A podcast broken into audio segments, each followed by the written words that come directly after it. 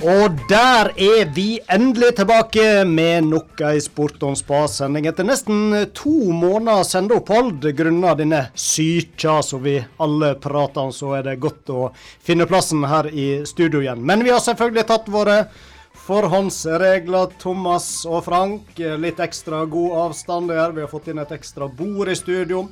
Eh, godisen, eh, akkurat som ungene på lørdagskvelden, den er delt ut på forhånd. Ligger i hver sine dunger her, og nysprita hender. Så. Jeg må si at jeg trives godt trygt oppi kroken her. jeg trives her borte òg, jeg. Kanskje ja. vi skal bare fortsette sånn. Først. En uh, passelig avstand. Om det er to meter, vi har ikke målt opp, men uh, jeg tror dette skal gå veldig bra. Jeg må nå spørre, da, hvordan er det er jo liksom formen og helsa vi er litt opptatt av i disse dager. Hvordan står det til med deg, Thomas? Jau da, det rusler og går. Det er ikke annet å si. Ingen tørr hoste og feber? Nei. Nei. Det er godt. Men, er, men du er faktisk den eh, eneste av oss her i studio som har opplevd karantene. Jeg har vært i karantene. Nå er jo det ganske mange uker siden. Det var helt i starten uh, av ulumskhetene i mars. Ja. Ja. Nei, du veit, jeg var jo en tur bort til England og kom tilbake. Og da var jeg to dager på jobb, og så var det rett i karantene. Ja, men det var jo ikke fordi du verken følte deg dårlig, eller det var vel bare sånn det var? Det var sånn uh, vår helseminister uh, Hvor utafor landegrensene, da var ja, det. Ja. ja. Nei, du var jo heldig som sådan. Det var ikke mange dager seinere du skulle ha planlagt den eh, englandsturen du har gått og gleda deg til i et år. Så hadde den råket lukst ut. Ja, det, var, det, er vel den siste seriekampen uh, som Liverpool spilte i denne sesongen, kanskje. Historisk sådan. Ja. Du har vært med på. Ja. Gud forbi. Gud forbi, da. Der hørte vi den vakre reista til Frank Hoel. Velkommen til deg òg. Tusen takk. Ja. Og du òg ser jo frisk og rask ut. Jeg Syns du det?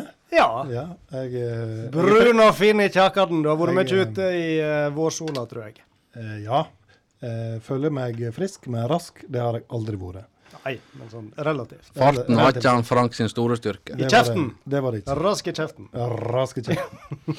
Nei da, det rusler og går. Det gjør det.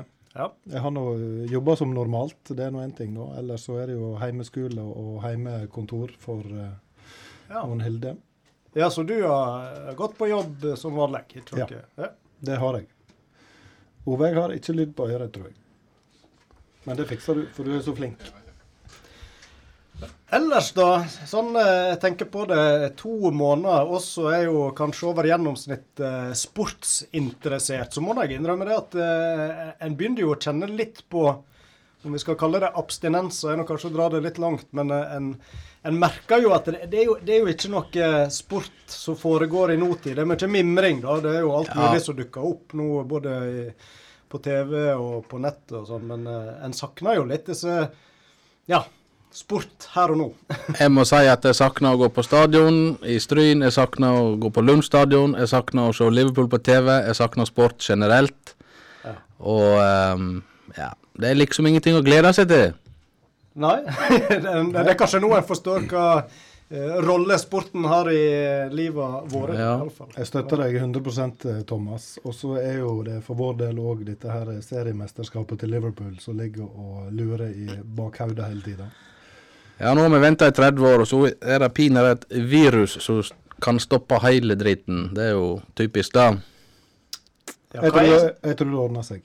Du ja, tror det? Får ja, det tror jeg. Ja. Hva, vet du siste nytt, Frank? Du som er litt Nei, nå, eh, Jeg leser jo stadig vekk at uh, Premier League prøver jo forskjellige varianter å få, å få gjennomført resten av sesongen. Både med på lukka anlegg, på nøytrale baner osv. Men spørsmålet er jo om de får, uh, får lov av helsemyndighetene å, å, gjennomføre en av sine planer. Nå har jo Frankrike stoppa sin sesong.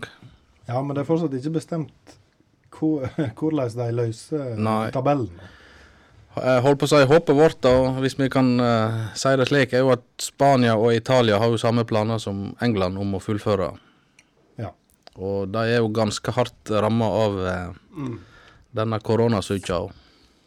Ja. Men, men. Nå er det nå vi er først og fremst et lokalsportmagasin. Og en av gjestene vi får eh, med oss, ikke i studio rett nok, hvis vi holder oss til god avstand eh, når det gjelder gjestene òg, men på telefon er han Øystein Hesjedal, som da er trener for Stryn. Og der er jo noe det vi lurer på, det er hva han tror om årets sesong, om det i det hele tatt blir noe. Og jeg vet ikke, Det, jo, det henger vel fortsatt litt uh, i en tynn tråd, sånn som jeg oppfatter det iallfall. Han har kanskje litt informasjon som eh, han kan dele med oss og lytterne.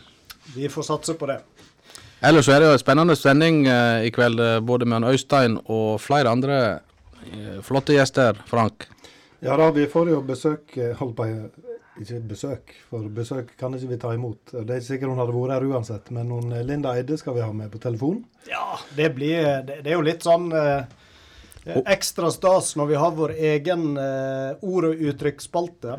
Frank Hoel sin egen ord- og uttrykksspalte. Og så at vi da får besøk av kanskje noe av det grommeste i den sjangeren i Norge til å være med som gjest. Det, det Hun er, hun er et lite forbilde for oss, hun. Absolutt.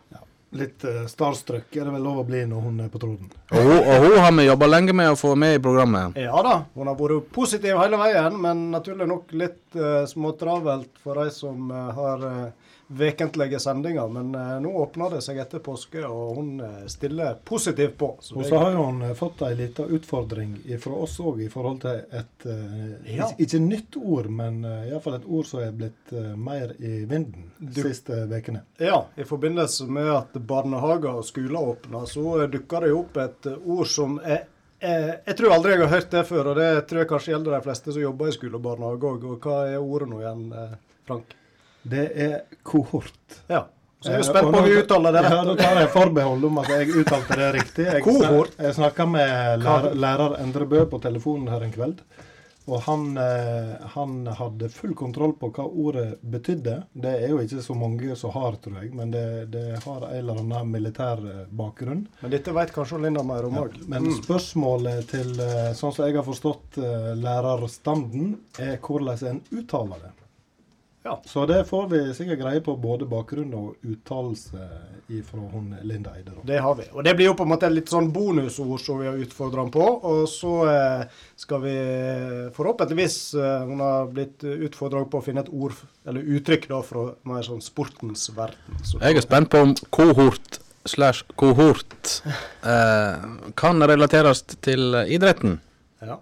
Sånn som jeg oppfatter det, så er jo det, hvis du skal si det veldig enkelt, så er det jo gruppe det betyr, ikke sant. Så vi er jo vår egen radiokohort Ja. her nå, da. Ja. Vi er i studio. Det tror jeg vi kan si. Og da må ikke vi glemme Ove André Årskog òg, som er med oss her. Ja, Kanskje men- noen hørte det rasla litt i bakgrunnen. Da var det Ove André Årskog som pakka seg opp en twist og kosa seg i lag med oss. Kan kanskje, kan kanskje si at vi er kohort 1, og han er kohort 2. Ja, Ja. og det er lov å samarbeide mellom kohorter, har jeg forstått. Ja, det tror jeg. Ja. Så uh, dette skal fungere veldig bra. Og antibac-en, den Den står midt på bordet, så den er bare å forsyne seg av. En liten skvett i kaffen, så er vi der. Men etter hun Linda Eide, Ja. så skal jo vi vasse litt i arkivet. Ai, ai, ai, så vi skal vasse. For det er en helt spesiell historie vi skal opp med, Thomas. Ja, da er det Eivind Karlsbakk si utvisning. Vi skal jo òg snakke om uh, karrieren hans, men vi skal òg snakke om eh, da han ble utvist i cupfinalen 95 mot Rosenborg. Borg. Det var mye mediedekning om akkurat den saken. Og så har vi fått med oss dommeren i den kampen. Det blir litt ekstra interessant. En ekstra dimensjon. Vi har Ja. fått med oss han som faktisk gjorde at Eivind Karsbakk eh, ble den mest omtalte kanskje idrettsutøveren den helga, iallfall i Norge. Ja. Ja, og den veka imellom Veka, ja. og omkampen. For her snakka ikke om at bare Fjordingen spanderte forsidebildet. Her var det vel VG, Dagbladet, eh, det var radio, TV Ja, jeg vet ikke. Jeg la oss et intervju med en av de som var eh, assistentdommere under cupfinalen. Han hadde åpna, eller lest åtte aviser dagen etter cupfinalen. Og det var jo ingen vinner siden det ble uavgjort. Eh, og på framsidene på åtte av ni aviser var det bilde av dommeren og han Eivind Karlsbakk med fokus på den utvisninga. Ja. Så det var eh, riksnyhende. Hva slags avis var det som ikke hadde framsida med Karlsbakk? Jeg mener det var Fjuken. Fjorten, ja. Det var fjuken. Riksavis. Ja. Mye mer om den eh, helt spesielle hendinga, det får vi altså når vi skal ha oss en hyggelig prat med Eivind Karlsbakk, som da er vel eh, kanskje den stryningen utenom noen visse Bø... Nei, Bø... Flo... Flobrødre. Flobrødre som har nådd lengst på fotballbanen. Bø-brødrene har ikke nådd så veldig langt der, men derimot i skiskyttersporet. Og siden vi var på lufta sist, så må vi si gratulerer til Johannes Tingnes Bø, som eh, sikra verdenscupen. Gratulerer. Ja. Det begynner å bli en stund siden, men eh, de var vel de siste idrettsutøverne som før de ga seg med sesongen. De sto Ja, på de uh, avslutta vel med tomme tribuner og Ja. Sprita hender og tomme hender. tribuner. det var Jeg tror lokalsportspalten blir vel aldri kortere enn den blir i, i dag. Nei, jeg veit faktisk ikke om vi engang uh, Ja. Det var kanskje lokalsporten det i dag. Ja, vi får med Øystein Hesjedal, da. Ja da, så han får, absolutt. han får være alibiet. Lokalsport det blir det indirekte der. ja. Ja. Da eh, tror jeg vi har skravla sånn noenlunde varme. Er noe dere har på hjertet, forresten, før vi liksom eh, humper oss litt eh, videre her? Ikke det slag. Kjekt å se dere igjen. Takk, det samme. Vi så, og så må vi selvfølgelig nevne at han Thomas Taule har en vakker, vakker, vakker koronasveis. Ja, det har for så vidt Ja. Eh, imponert over den. Du kom inn her i stad og i godt humør og håret til alle kanter. Og, Og det, hadde, det var jo bakgrunnen i at han hadde tatt av seg genseren. Og Ja. da sto det åtte kilo hår rett opp. Tirsdag, tirsdag da skal jeg ta det er ikke mer som gir oss en god latter. Ellers har jeg òg koronasveis, så jeg skal ikke prate så høyt. Jeg, eh, jeg tok rett og slett og klippte så nesten alt. Ja. Ja, sånn er det. Du da, Frank. Du har nå caps som vanlig. Jeg har alltid koronasveis. Ingen Ja. fare med det. Da veit uh, lyerne også det. Da skal vi eh, snart høre litt musikk, men eh, først så må vi selvfølgelig vie litt tid til vår eminente sponsor. Nå har de endelig hørt meg og mase midt om plass. I eksklusive kretser hjå radiosportons bass. Her sitter jeg stram og slank blant FM-bandets konger, Roy Thomas og han Frank. Kjøpmann André Oppheim og Bumpris Olden er stolt sponsor av Sport om spas i sesong to. Å ja! Jeg hører på Radiostryn, det. Ja, da skal vi eh, ta lest på første eh, gjest her i kveld. Og eh, nå var det jo sånn at i fjor, da fikk Stryn sitt herrelag i fotball. De fikk ny trener, Ian Øystein Hesjedal. Men så har jo virus i lufta. Det har gjort at både cupkvalik og serieåpninga den har eh, blitt utsatt. Og trenerdebuten den har derfor måttet vente på seg. Og eh, da må jeg nesten spørre deg, Øystein, om eh, er du begynt å bli litt utålmodig nå på å få slippe til på sidelinja som trener? Ja, det har vi da egentlig vært i mange måneder, og lenge før viruset kom. Så ja, det er litt uh, tungt om dagen, det må vi jo innrømme. Nå skulle det jo ha vært um, godt i gang med, med, med serien. Uh, og i hvert fall spilt et par serierunder, kanskje. Hvordan er det liksom å leve og trene i et vakuum sånn som det er nå? Uh, Nei, det er jo spesielt. Og det er, det er jo ikke helt det samme som vi så for oss. Og vi var, vi var veldig godt i gang og hadde fått noen gode treningskamper. Og det var en veldig god stemning i gruppen. Så det var eh, et tøft slag eh, å få. Um, og så gjelder det på en måte å snu dette til, til vår fordel igjen. da, og og det er på en måte det vi jobber med. og Både for min egen del og for spillerne sin del så, er det, så må det jobbes knallhardt med, med å snu dette til noe vi kan dra nytte av. Da, i forhold til, eh, Vi kjenner jo på utfordringene som sikkert alle spillere og alle lag står i nå, med at vi, vi har liksom ikke noe tidsperspektiv på dette her. og det vi vet ikke hvor lenge vi må gå og trene alternativt og, og sånt, men klarer vi å være gode der, så har vi i hvert fall et eh, fortrinn på konkurrentene våre når vi får lov til å starte opp igjen. Men Øystein, kan du, kan du, si litt om Nå er jo Stryn stadion åpna opp igjen eh, sånn holdt på å si delvis med smitteverntiltak osv. Kan du si litt om hvordan, hvordan, du klarer å få gjennomført treningene på en best mulig måte, og, og, og det med motivasjon til spillerne, hvordan den er oppi, oppi det hele?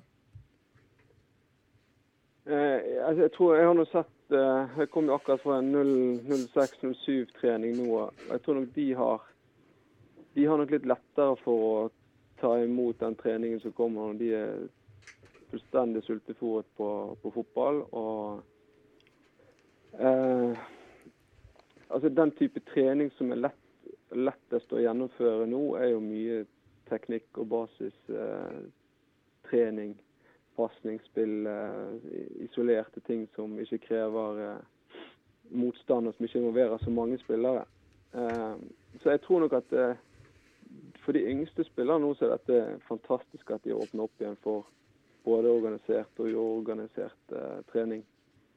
Så tror jeg det er mer utfordrende for de spillerne som er litt eldre, som på en måte Ikke det at de ikke trenger den type trening, men at det er ekstra tungt å motivere seg på å slå inn sidepasninger og, og, jobbe med isolerte ting igjen. da. Um, jeg husker ikke hva spørsmålet var, men jeg, Nei, det, var, det, gikk nå det på hvordan, hvordan en klarer å få, å få, gjennomført så gode økter som mulig, og, og så det du var inne på da med motivasjon ja. til spillerne. Ja, altså jeg Det jeg bruker mye tid på nå, er jo å å planlegge en økt som er så lik som mulig fotballspillet, som, men som er innenfor de reglene som gjelder for smittevern. Mm. Altså, eh, det krever eh, god forberedelse, og det krever eh, god organisering. Og så krever det òg eh, mye, mye, trenere og, og, voksne, spesielt for de yngre lagene. At det, det er mange voksne som er er til stede og har en viss oversikt over uh, at reglene blir fulgt. Men um, det som jeg så på trening i dag, for de som hadde sin andre trening nå på etter dette her åpna opp igjen nå, så det var det veldig godt humør og det er en god eh, Det var god aktivitet. Og, de som vil noe med fotball, de, de har alltid mulighet til å, å bli bedre. Men det er klart, da krever det nok mer trening enn den ene gangen de får sjanse til å trene sammen. Eh, hvor omfattende er treningstilbudet til eh, seniorlaget nå, da? Er det tett oppfølging der utenom fellestrening òg, eller? Nei, vi, vi, legger ut uh, Vi har to økter i uken som, som, felles. Og så har de to økter som de gjør på egen hånd som er av fysisk karakter. Mm. Og, og det, det er det vi gjør nå. og vi, eh, vi kunne hatt fire fellesøkter, men jeg, når vi har så på en måte begrensa muligheter for å, å spille altså det, det, blir ganske mye av det samme. Så tror jeg det at uh, det er nok å trene to ganger i uken og heller få to kvalitetsøkter på egen hånd som er fysiske. Og så har de òg muligheten nå til å trene på egen hånd på banen. Og det syns jeg er veldig bra. Mm. For de som, eh, de som klarer oss Og jeg har spillere i, i Stryn nå som har ambisjoner. Og det er jo Jeg ser jo det at de har fått en knekk eh, psykisk her nå, eller motivasjonsmessig. Men hvis de klarer å snu dette her til De vet at alle, alle er i samme båt, og de kjenner på sin egen kropp at dette her er tungt. Og hvis du da klarer å, å være bedre enn motstander, så vil du ha et fortrinn når du etter hvert nå skal, skal du åpne opp igjen og du får sjanse til å prøve deg på en større klubb f.eks. Mm. Er, det, er, er, det det du sier til disse spillerne òg, for å motivere dem? Ja, det er jo det jeg prøver å, å kommunisere. og det å når vi har to treninger i uken, så, så vær nå iallfall på når vi er her. Så gjør vi For vi har et, eh, en verdi som er at vi trener med kvalitet. og at hvis vi klarer å holde kvalitet på selv de enkle tingene nå, så vil vi iallfall bli litt bedre. Så der er Jeg vet jo at det er mange lag rundt om nå som, som har eh, driver med Strava-målinger og, og, lager konkurranser og sånne ting. Så det å, det å ta tak i seg sjøl nå og, og, bruke denne tiden til å bli i hvert fall fysisk godt trent, det, det, du har du igjen på senere. Men Øystein, hva tenker du nå om eh, sesongen? Det er jo selvfølgelig helt uvisst. Men eh, har du på en måte håp om at eh, sesongen skal fullføres med like mange kamper som det var tenkt? Nei, det har jeg ikke tro på. Eh, det, jeg tror det beste vi kan håpe på nå, er en halv sesong fra høsten av. Eh, men jeg vet akkurat like lite som alle andre, så, men det det jeg tror vi kan håpe på. Eh, og får vi til det, så er, så er jeg, eh, da er jeg glad. Så det tidligste du ser for deg at det blir eh, kamper på, seniorkamper på Stryn stadion, det er til høsten? Det er det jeg ser for meg, ja. Men ja, gud hvor kjekt det skulle vært hvis vi kunne åpne før sommeren. Du var jo inne på det at dere gjorde noen gode treningskamper og var for så vidt utålmodige og klare til sesong allerede tilbake i mars, før situasjonen oppstod. oppsto. Kan du si litt om hvordan eh, treninga før eh, mars var, og hvor dere sto som lag? Hvordan du følte dere utvikla dere gjennom vinteren? Ja, um, det, jeg, det, jeg, følte vi var kommet uh, et stykke på nå, det var presspillet vårt. Vi, vi, klarte å stå høyt og vi klarte å, å, stå lavt. Og vi var aggressive i presset. Eh, det syns jeg var Det var der jeg følte vi var liksom var begynt å komme så langt at vi kunne nesten eh, bytte tema. holdt jeg på å si. Der begynte vi å bli fornøyd med hvordan vi fremsto. Og så var vi, eh, var vi begynt med det offensive spillet vårt. Eh, og var, vi var jo ikke ferdig med det, holdt jeg på å si. Og det er jo ikke ferdig med noe noen gang, på så vidt. Men jeg syns vi var gode eh, i presspillet vårt, som gjør at vi får masse flotte overganger. og Vi, vi hang veldig godt sammen eh, både i lengderetning og bredderetning i, i, i, forhold til å holde gode avstander og få å ha muligheten til å komme i godt press, det, det er avhengig av at avstanden er riktig. Eh, og vi hadde begynt å, å løse frispillingsfasen. Og vi hadde forståelse fra de tre fremste spillerne våre at vi måtte alltid ha et rom, noen som truet bakrom, og noen måtte komme. Og, så vi, vi, var på gang, altså. Vi, og vi fikk eh, gode resultater eh, i treningskampene. Det er ikke i seg selv viktig, men det er litt viktig fordi at da ser vi at det vi trener på, det hjelper. Og da får du en motivasjon og tro i gruppene. Så, så det, var, det, var, der vi var. Men når en da eh, må stoppe opp i en prosess og et treningsarbeid, frykter du nå at en, en misser litt det en hadde trena seg opp til, og må begynne litt på nytt igjen, eller hvordan fungerer sånne ting? Nei, Jeg har ikke vært i denne situasjonen før, men uh, jeg tror ikke at det blir vanskelig å begynne på den der som vi var. Eh, så lenge vi har det fysiske på plass. For vi hadde en, en fysisk spillestil. Altså vi, vi, måtte løpe mye for å, for å klare å holde avstand og for å være aggressive i presset. Og Så lenge vi klarer å ivareta det, så tror ikke jeg de liksom har glemt eh, hvordan vi skulle opptre. Det tror jeg ikke. Så, og Hadde vi kunnet starte neste uke med kamper, så tror jeg vi hadde fortsatt vært godt forberedt. Nå er jo Stryn uh, sett sammen av mange unge spillere. Er det noen som du har ekstra forventninger til denne sesongen her? Uh, noen som kan ta et steg videre? Jeg har, uh, jeg har tro på veldig mange, og det, de er på en måte i, litt i vannskorpen på å bli seniorer. og det, jeg, tenker, jeg, tenker, jeg, tenker jo litt på en Trym Øvreberg, f.eks., som fikk en del kamper i fjor. Om han eh, kan etablere seg enda mer i år, f.eks. Ja, jeg tror Trym eh, eh, er både klar for og innstilt på å, ta, eh, å ha en viktig rolle i laget eh, i år. Så, og han har gjort det veldig bra. Han, han er flink til å, til å, være på trening på å bli bedre. Han er, han er seriøs. Jeg vet han trener godt nå på egen hånd. og så han er nok en av de som jeg hadde hatt forventninger til å, til å ta en, en, større plass i, i laget enn han har hatt tidligere. Og så fikk vi vel så vidt kjennskap til en ny spiller som eh, de har fått til Stryn. En kar fra Litauen, var det det?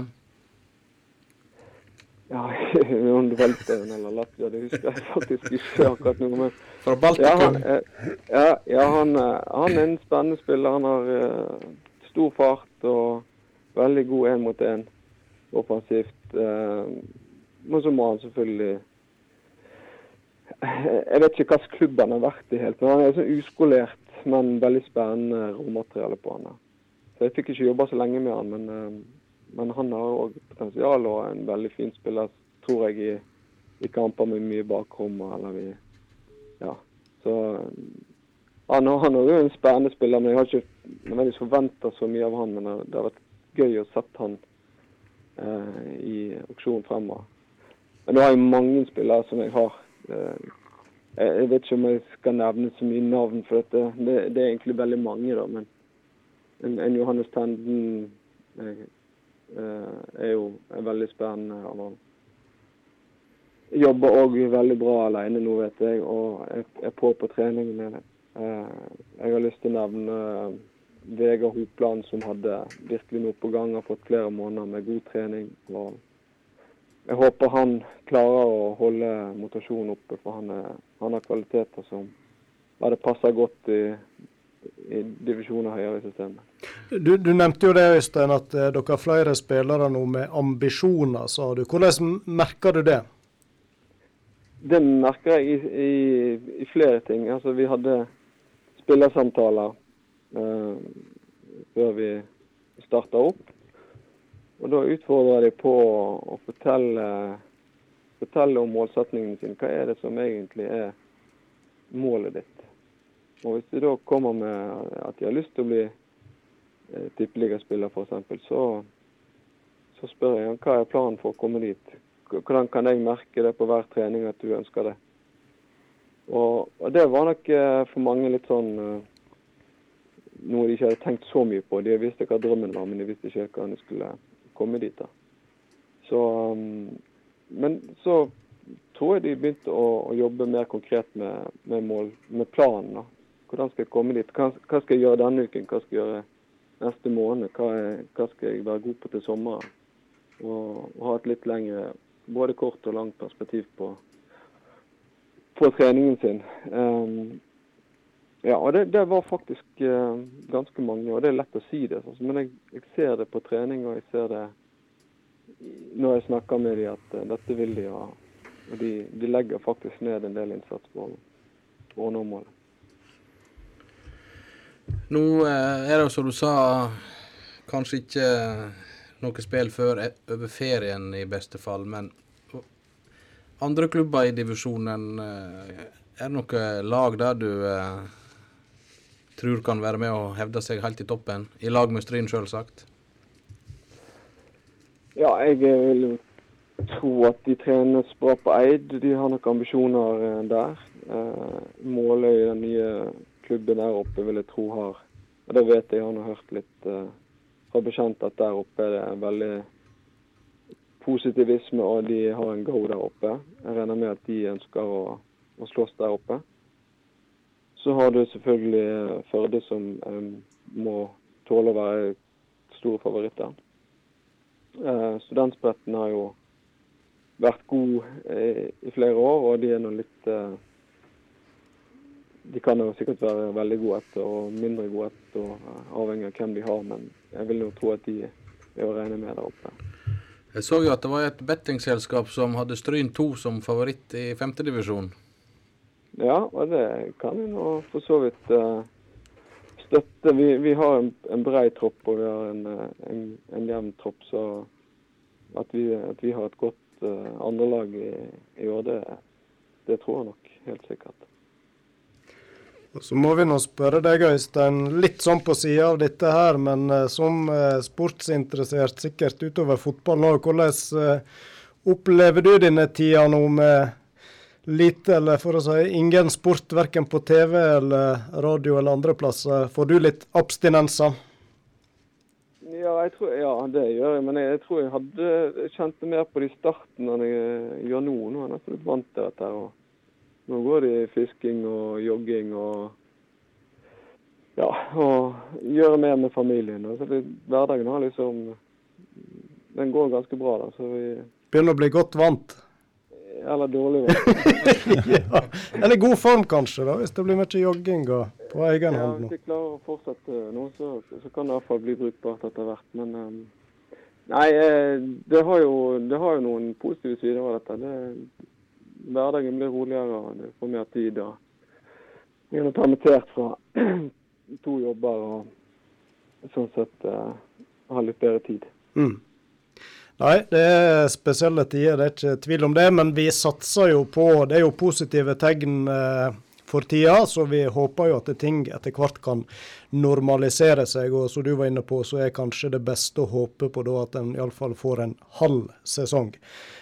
Da eh, sier vi tusen takk for at du var med oss, Øystein. Og så eh, ser jeg jo ikke vekk ifra at vi i ei seinere sending, da har vi deg med igjen. Vi satser på det og kan rapportere om fotballkamper som har blitt spilt.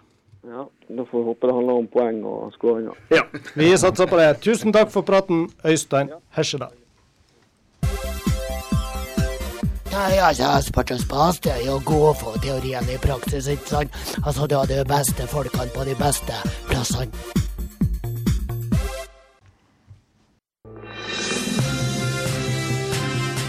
Sitat, ord og uttrykk fra sportens verden som du nå får servert, enten du vil eller ei, ved Frank Hol. Ja, det er jo nesten så det med andakt i stemma vi introduserer vår neste gjest i Sport on spas. For med egen ord- og uttrykksspalte, så, så blir det jo nesten som om eh, Stryn skulle få besøk av landslagstrener Lagerbäck, når vi nå med stor glede kan si god kveld til deg, Linda Eide fra Eide Språkshow på NRK. Jo, god kveld. Ja, ja dette, det blir som å hoppe etter Wirkola-fabrikken, dette. ja, ja. Du er rett på, du, med ord og uttrykk. Vi skal komme straks tilbake til deg, men eh, Frank Hoel her, som eh, egentlig er leder av Språkspalta, han eh, har noe på hjertet, tror jeg. Ja, det er klart, nå føler jeg meg liten. Når vi har eh, sånt eh, storveges besøk, og du nevnte Stryn fotball og Lagerbäck, men, men for meg nå så har vi Gud på telefonen. Oi, oi, oi. Ja, såpass. Du, nå er dette sånn eh, nordfjordsk uh, ironi, dette. Nei, nei. Dette er ikke ironisk. Vi er så glad for å ha deg med, Linda. Du aner ikke det. Veldig hyggelig. Ja. Veldig hyggelig.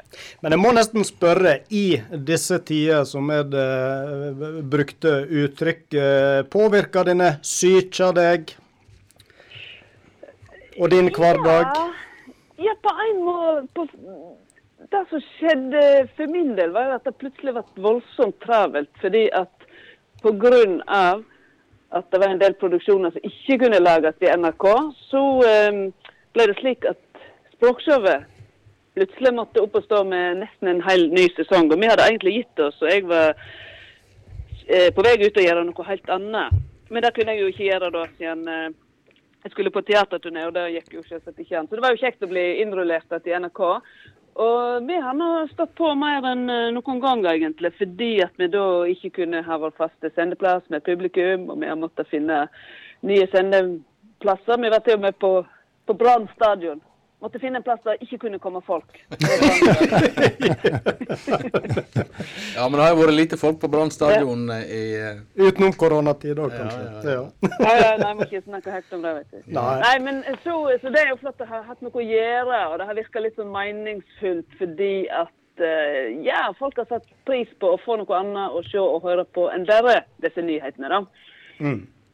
Men uh, nå merker jeg selv at eh, det føles som alt går litt i ring nå. nå, nå eh, jeg kunne godt tenkt meg at det gikk an å planlegge litt mer fremover. Men dette er jo luksusproblem i forhold til å være syk, eller å kjenne folk som er syke, eller å ha slekt i utlandet der det er verre. og sånt. Mm. Så eh, det påvirker, påvirker sånn at en blir litt sånn Det ligger liksom ei, ei sky eh, over der, selv om en personlig har det helt fint.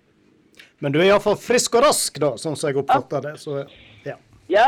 Nå setter jeg ikke ny rekord jeg var ute og sprang her om dagen, altså. Så hvor rask jeg er, det får vel ligge. Ja. Nei, Jeg, det, er et sportsprogram. Jeg skal ikke det. Ja, ja, ja. ja, ja, ja. Kom med det. Jeg er frisk, frisk og rask. Frisk og rask. Ja, ja, ja.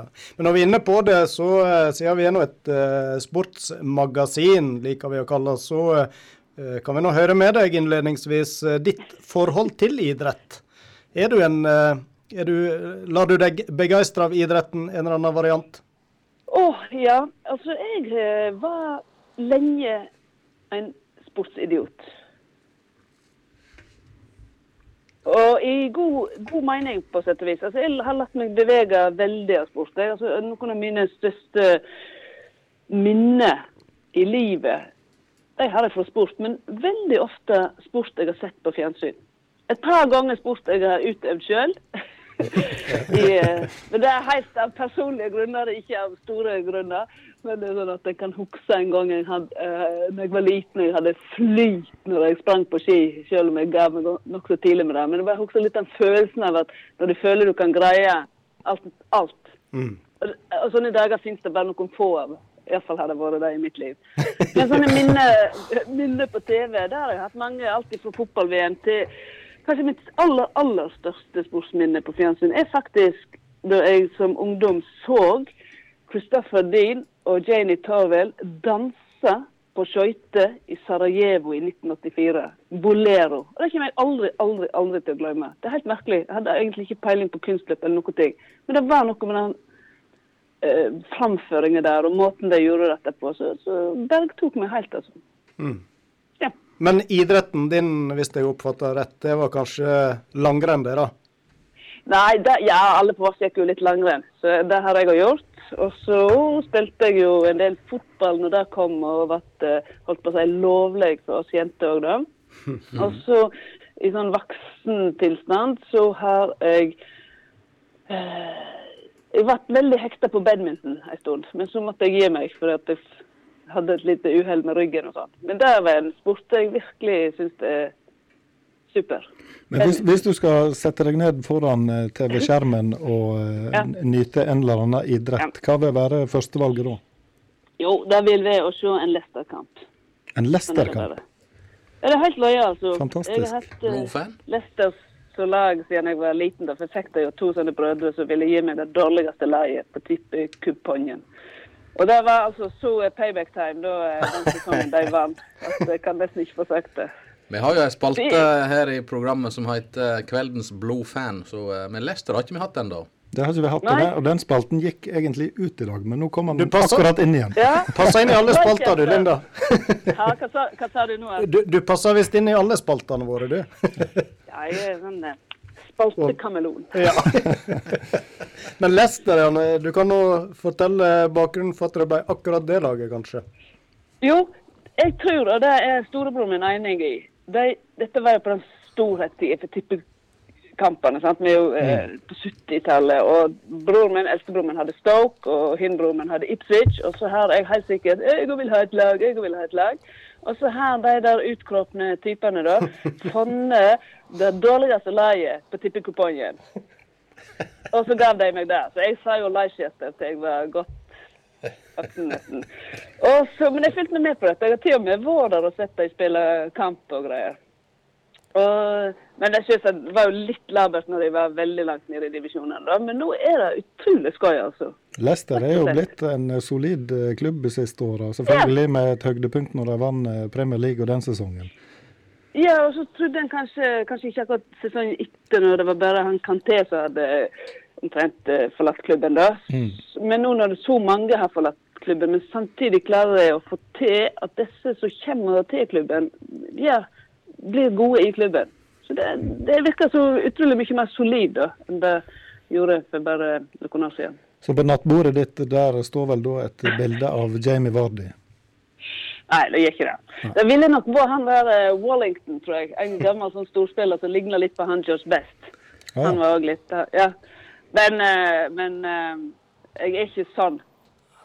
Men husk, altså den kvelden da eh, I 2016 blir vel det? Eller blir, nei, det er jo helt tilbake til 2015 nå. Så eh, Oi. Hva gjør jeg nå? Avis. Beklager. Er det andre opp. det var noen som ringte her. Kan Det er han Gunstein som må- ringte. Nei, det var Men jeg tror, vi må snart gi oss nå, for jeg må ta den. Da, da, ja, da må vi nesten uh, hive oss i eh, det, det vi har fått deg med for. For uh, vi må jo utnytte kompetansen din, Linda, når du først er med oss uh, på sendinga her. Og da Og du, men du, nå Ja. fikk jeg melding. Jeg trenger ikke ringe med en gang, så dette går fint. ja, Da, da har jeg lyst til å komme med det jeg hadde på hjertet. Fordi at uh, du snakket om favorittspiller. Og jeg så plutselig for meg at Kasper Schmeichel det er en som du liker godt. Ja, ja det er, det er litt sånn Ja, han, gjør, han er utrolig god, og så kan han òg finne på å gjøre noen sånne små sprell av og til. og Det er jo alltid litt skøy. Ja, ja, ja. Ja, ja men da hadde jeg rett. Men du, du hadde rett. Du hadde absolutt rett. Ja. Eh, Hva ja. gjør han? Utfordre, du skulle utfordre om Linda på ja. noe? Eh, vi har jo utfordra ham på ord, eller uttrykk, da, Ja. fra eh, sportens verden. Og da eh, kom vel du, Linda, opp med uttrykket 'å reise kjerringa', stemmer ikke det? Jo, jeg gjorde det. Ja. Og der, eh, ja. eh, Jeg vet ikke om eh, dere karene i studio om dere først vil komme med noen teorier rundt dette sånn umiddelbart, før vi går inn på fasiten. Jeg skal ikke si for mye, men i min eh, beskjedne ord- og uttrykksspalte, så mener jeg å huske Enten så har jeg lest om ordet, eller så har jeg hatt, lest om det og hatt det med i spalten. Jeg er litt usikker på det, men, eh, men jeg har vært innom det, da. Men nå er ikke jeg helt sikker på hva det betydde igjen. Nei. Så det kan være greit med en oppfrisking. ja. Nei, men det er vel hvis du har gjort et eller annet dårlig resultat, en dårlig omgang i fotball, og så skal du Beklager, jeg sa feil. Jeg, jeg veit hva det betyr, men hva opprinnelsen var, det, Ja. det husker ikke jeg.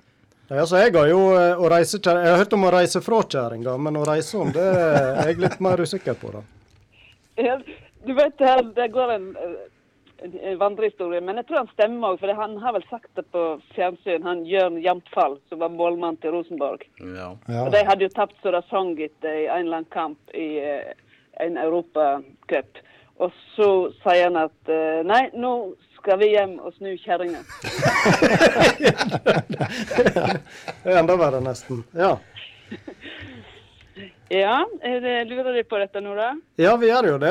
Jeg bare tenker han Jørn Jamtfall Jeg ser for meg at han hadde ei sånn kjempestor kjerring, så kanskje var litt vanskelig å snu, i og med at han eh, fokuserte sånn på det. Kanskje vi er litt i ringene. Ja. Bildet i hodet, ja. Det har, får vi iallfall. Hvis han ikke klarte å vinne den kampen, så skulle han iallfall klare å snu kjerringa. Men du sitter jo sikkert med en, eh, en fasit der, da, Linda, regner jeg med. Ja, det er Uttrykket er jo òg kjent litt fra det maritime, og da har det ikke med sport å gjøre. Senest i dag så, så jeg fast, faktisk Sylfest Lomheim skrive om eh, denne kjerringa som òg var navnet på um, en, si, en bjelke da, eh, nede på båten. Sånn at du kunne kanskje tenke deg at hvis du satte en mast bak på båten, så reiste du kjerringa. Men den teorien, det er ikke alle som er enig i den. og den Iallfall det som er helt beviselig om å reise kjerringa, at det er brukt i sport. Det er gamle referat fra slike eh, utforrenn og eh, hoppkonkurranser der en person har eh, falt, altså datt. Ja. Og det, det heter å gjøre ei kjerring. Og hvorfor akkurat det var, det finnes det òg litt teorier, men det ble i hvert fall uttrykket ble brukt. Til og med Åsmund Olavsson Vinje brukte dette uttrykket i en rapport eh, fra et sånt renn om å, reise kjerringer. Men, men Og- kalte de å gjøre ei kjerring, det var dette? Ja?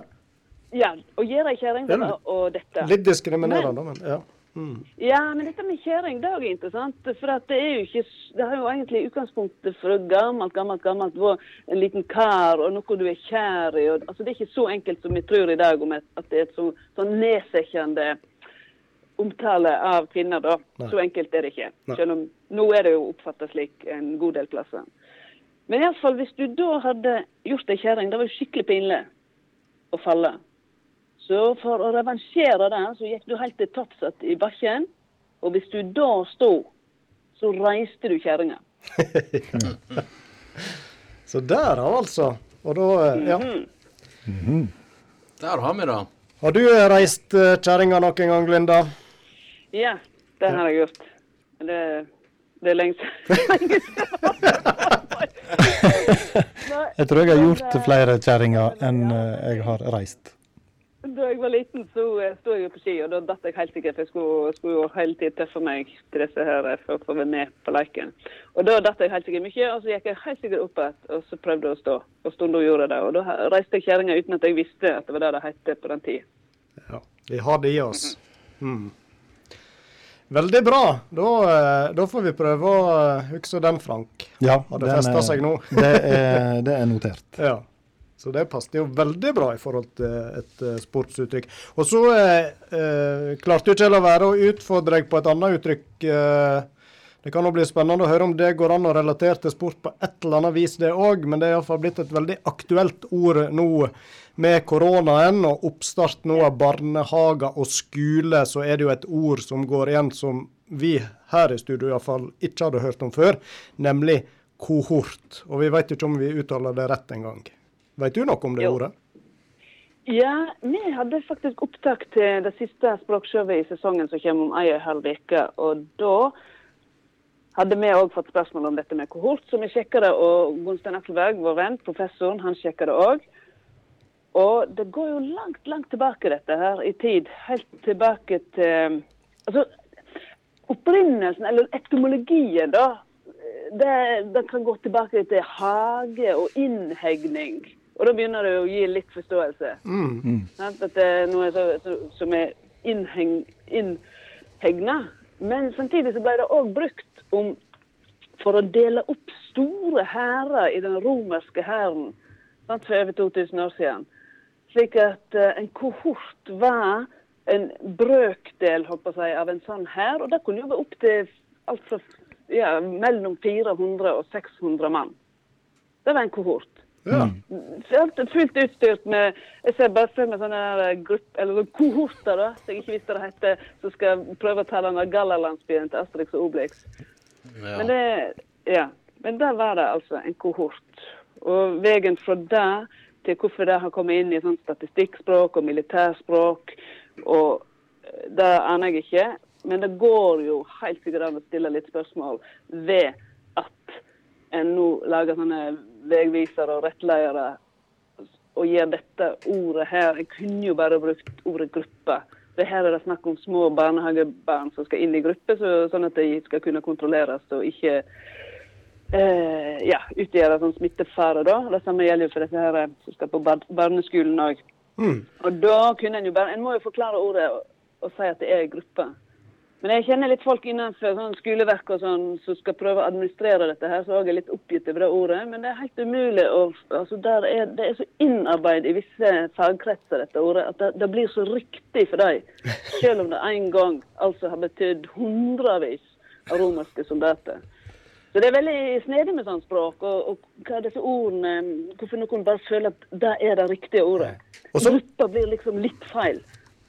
Ja, så tenker jeg Det strider jo litt imot det de eh, spilte på i starten, dette med dugnad, som alle visste om, hadde hørt om og kunne assosiere seg med. Og så kommer de her med et ord som nesten ingen har hørt om. Så det er jo ikke helt Ja. samme logikken, kanskje. Det er jo et godt poeng. Kanskje i, i dugnadsordet så jo, lå det at vi skulle alle delta og skjønne, og det er et veldig sånn sympatisk ord, et veldig heilnorsk ord. Det er et sånt idiom som ikke finnes i andre språk, eller er vanskelig å forklare hvis du ikke er oppvokst med det.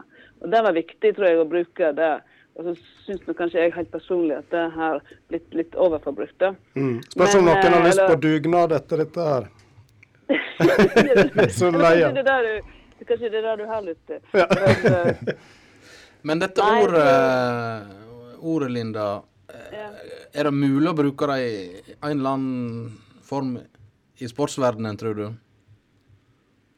Ja, altså et lag, altså eh, Et fotballag er jo en kohort. Et Ja. eh, cricketlag er jo et kohort. Jeg vet ikke hvorfor jeg sa cricketlag. Jeg har aldri sagt.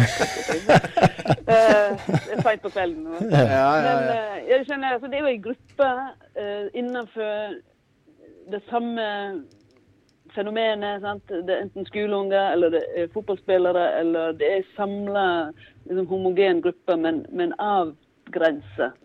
Så eh, A-laget til Stryn kan vi nå begynne å kalle for A-kohorten til Stryn?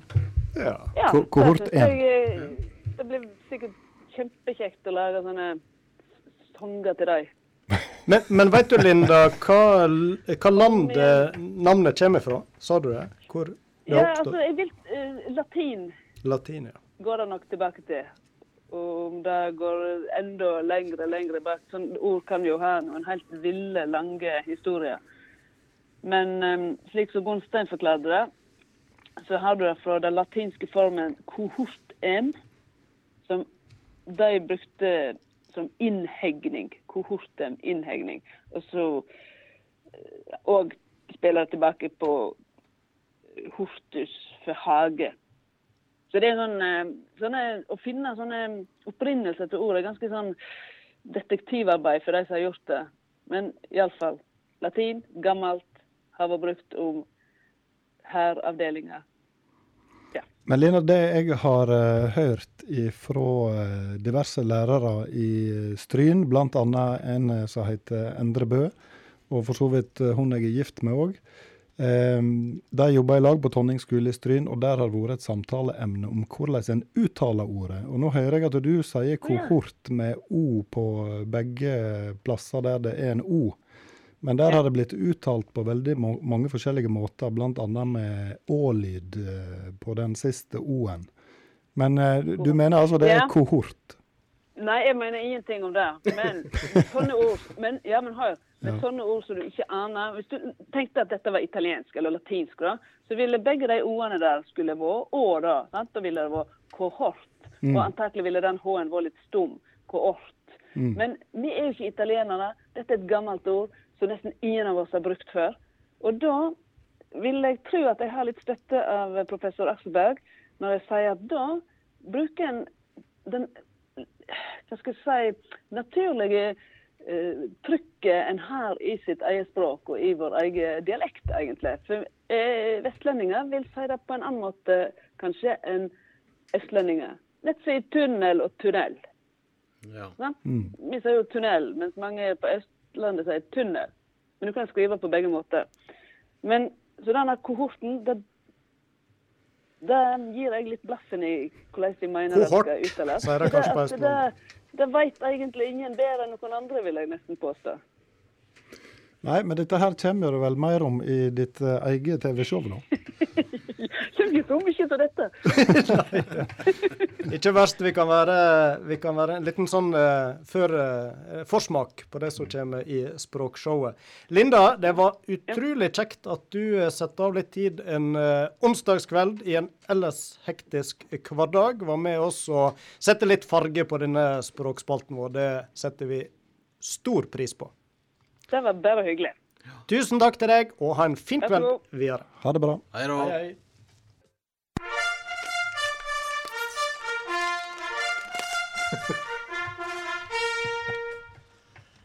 Dette var konkurransejingelen, gutter. Og eh, nå er det jo så lenge siden vi hadde konkurranse sist, så jeg, jeg er spent på om de husker spørsmålet, rett og slett. Vi stilte i sist sending. Eh, var ikke det han Halvard Skrede og prisen som eh, Sogndal mente han var verdt? Det var prisen eh, på han Halvard Skrede, ja. Ja, budet fra Sogndal. Ja, det var vel det. Det var i hvert fall en sum vi tenkte på. Er det noen som husker den summen? Ja, jeg tror jeg husker den.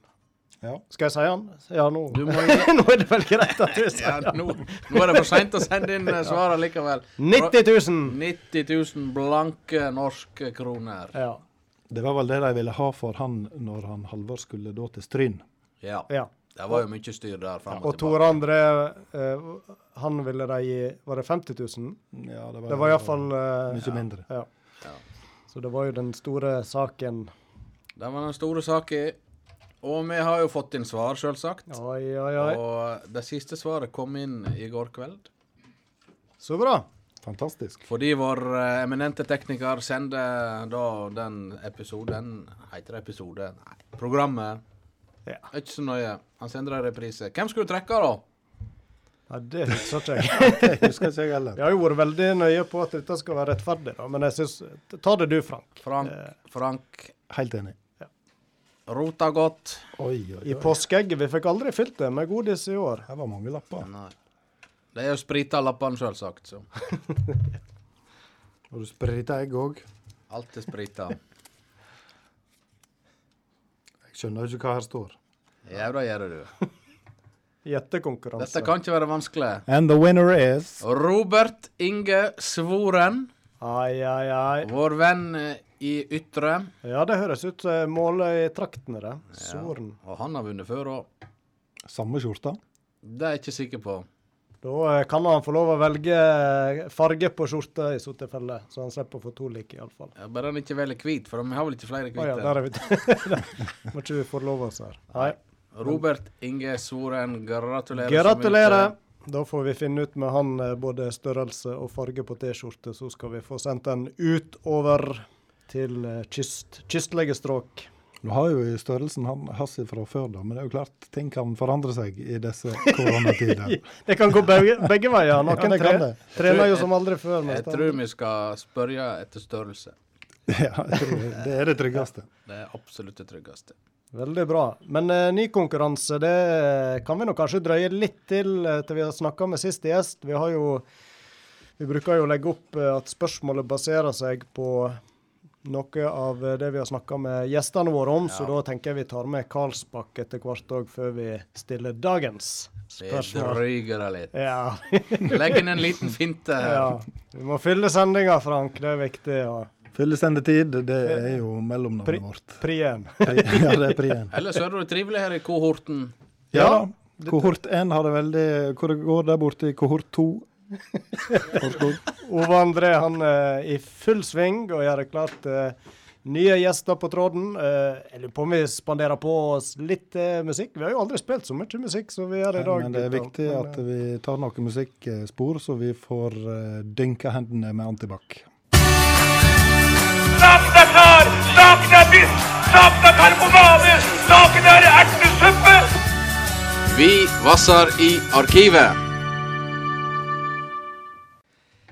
Ja, da eh, har vi eh, skifta tema her. Vi er over i eh, arkivspalten vår i eh, Sport og spas, og jeg tror jeg hørte gjesten vår i andre enden er med oss. Eivind Karlsbakk, god kveld til deg. God kvelden, god kvelden.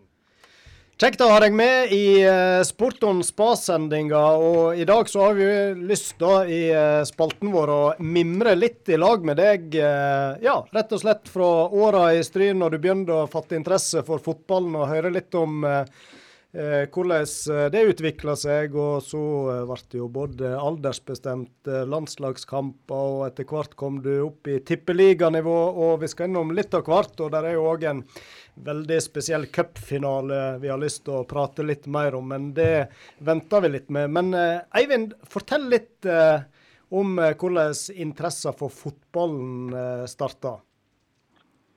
Ja, det kan du jo si. Jeg, det starta vel sånn sett i, i skolealderen. I Stryn så På det glade 80-tallet så var det jo ikke så mye alternativ annet enn å drive og spille fotball eller gjøre forskjellige aktive ting uh, ute. Så, så uh, det starta vel med fotball. Men fotballen jeg tror ikke jeg begynte med før jeg var sju, altså begynte på skolen. Eh, så det så da var det, begynte vi der i det små, og så balla det fort på seg. Det, det gjorde det. For det var det som var det, var det, som var det kjekkeste. Men Eivind, hvordan Eller hvordan, hvem var det du spilte med i 7-8-9-årsalderen? Hvem det var som eh, dere, hvem det var dere Hvor var dere, og hvor spilte dere? og hvem Nei, var det, med? det, var nå på, det var jo på Tonning skole gikk jeg òg, så vi spilte nå A mot B-klassen. Så, så eh, ja, ja, Per Ole var vel kanskje bare med i første klassen, så reiste vi opp på Storsundet. Men, eh, men det var Vi var jo den eh, generasjonen, eller vår alder med 75-gjengen, så var det jo var der eh, Ole Jakob Osvold og, og denne her eh, gjengen her. Endre Bø, ikke minst. Eh, kjempespiller. Og, så det var en, eh, en god gjeng. Og så Jørn Lien var jo litt eh, kulde over. Så, så, så hadde du ei Jeg husker på Tonje skole, så var jo når vi begynte der, så var jo de De største var vel han, eh, vel han Johan Sigurdsson og Jan Egil Floen, den gjengen der. Så det var, de var nede på grusen der som de eh, eldste var. Så det var jo det var jo stort å se når de òg spilte. Så Jan Egil Flo han var rett og slett et lite forbilde på den tida der. Ah, det var, Var det å dra det langt? Dra, dra det langt, men han eh, var jo en notorisk målskårer. Det har vel blitt eh, Han har- vel fått dokumentert noen ganger. Det var han. Ja. Men hvem var, eh, kan du si, hvem som var forbilder lokalt? da? Så du litt A-lagskamper til Stryn og hadde noen der, eller var det mer på nasjonalt nivå du hadde forbilder? Nei, det, det var jo, verden var litt annerledes da, for å si det Mm. sånn. Så det er ikke tvil om at, eh, at det var, heltene var lokalt i begynnelsen. og Det er ikke tvil om at Jostein eh, Flo var jo den som dro det fram og var liksom den som brøt barrierer i Stryn på den tida. Så han var jo, han var jo veldig, eh, veldig spennende å gå på Stryn stadion og se på han. Og, og eh, ja, hele Naflo-gjengene, Men, men jeg fikk jo spille med, med Tor André og de. eh, Eller han var det yngste. da, Men, men Jostein var nå den som liksom virkelig så opp til da, i de første åra. Hvem var det du hadde som trenere på aldersbestemt i Stryn, Eivind? Nei, det var jo han det var Olaf Senden og Arne Hoel og Kjell Osvold. Så det var jo de som var, de som var stort sett med Kjell Lien. Han eh, kontrollerte jo det meste rundt. Nei, Kjell sier ja, uh, Jarle Lien, mener jeg. Faren hans Jørn. Eh, så det var Så var vel en Odd rundt der òg, Frank. Så det var jo mye folk, mye godt, eh, godt folk rundt. Eh, men det var vel en Olaf Stenden som drog dro det meste eh, lengst, da. Ja, det er klart, Vi, vi i 76-generasjonen var- sleit jo stygt med å få innpass i 75-gjengen. Så vi, eh, vi drev nok og surra med vårt på den tida.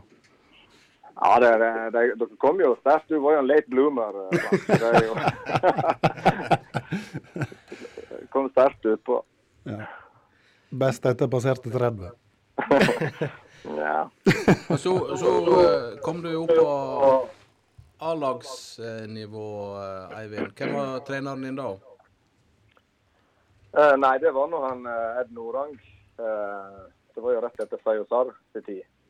Eh, så da var det vel Erik som var Ed Norang som var første året. Så var det Steinar Ringdal som kom fra Sunnmøre. Så han var vel de siste to åra. Men, men var det opplagt, Eivind, at det var fotball du skulle satse på, eller var du allsidig i ung alder og for så vidt kunne ha drevet med andre ting? Eh, ja, ja, det kan du sikkert diskutere. Jeg var jo allsidig. Og det tror jeg alle var. Eh, som sagt så var jo verden litt annerledes da. I Stryn så var det jo Ja, vi gikk nå på ski og for å ha disse her eh, Datt jeg ut nå? Nei da, du er med. Det var en annen Ja. som datt ut, så Eh, det går bra. Det er teknikeren som er i tung konjakkrus. Eller antibac-rus, er det kanskje. Antibac er det kanskje. ja. Beklager, Eivind. Du var inne på hva andre ting du drev med på den tida, ja.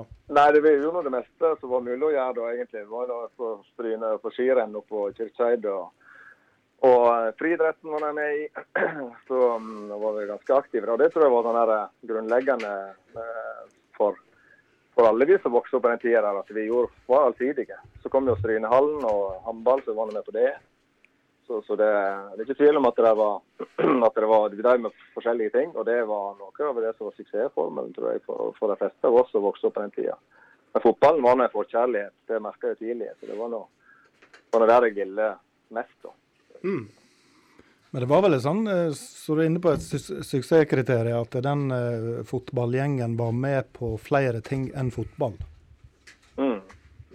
Ja da, vi, vi, vi gjorde noe så mange som var på friidrett, men, men håndballen, når den kom, så var vi- var det veldig enkelt. Eh, Da var det jo vinteridrett. og eller håndballen på vinteren, og så var det fotball på sommeren.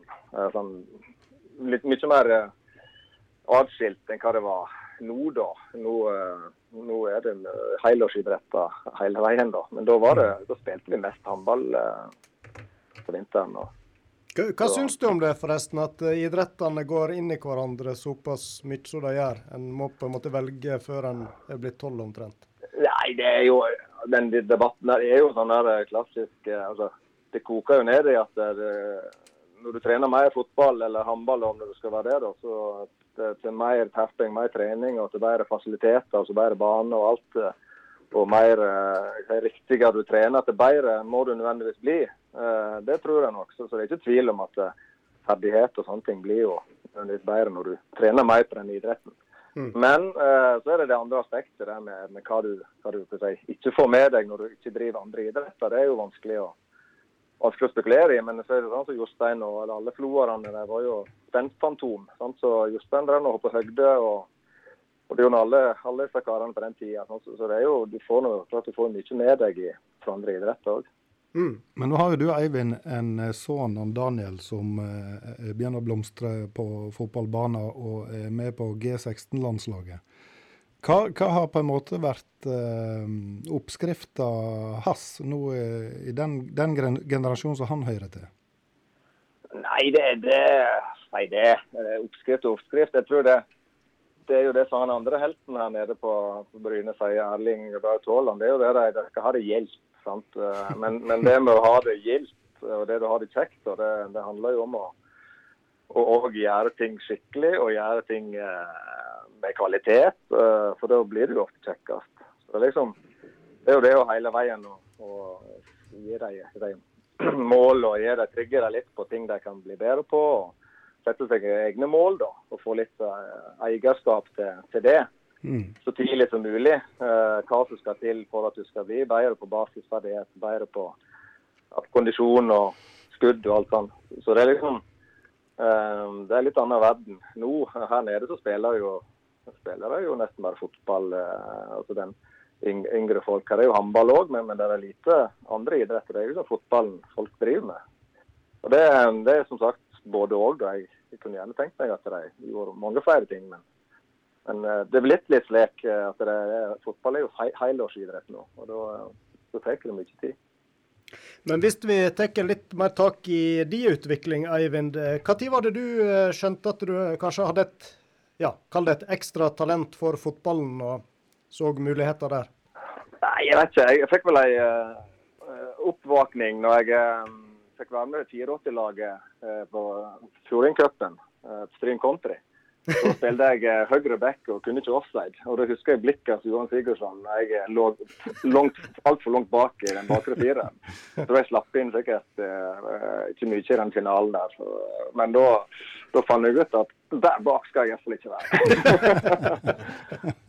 så det Så det er Johans fortjeneste, det, da? Johan sin fortjeneste. eller Han, han sa det helt sikkert på en fin måte, men jeg husker bare at han Eivind, ut!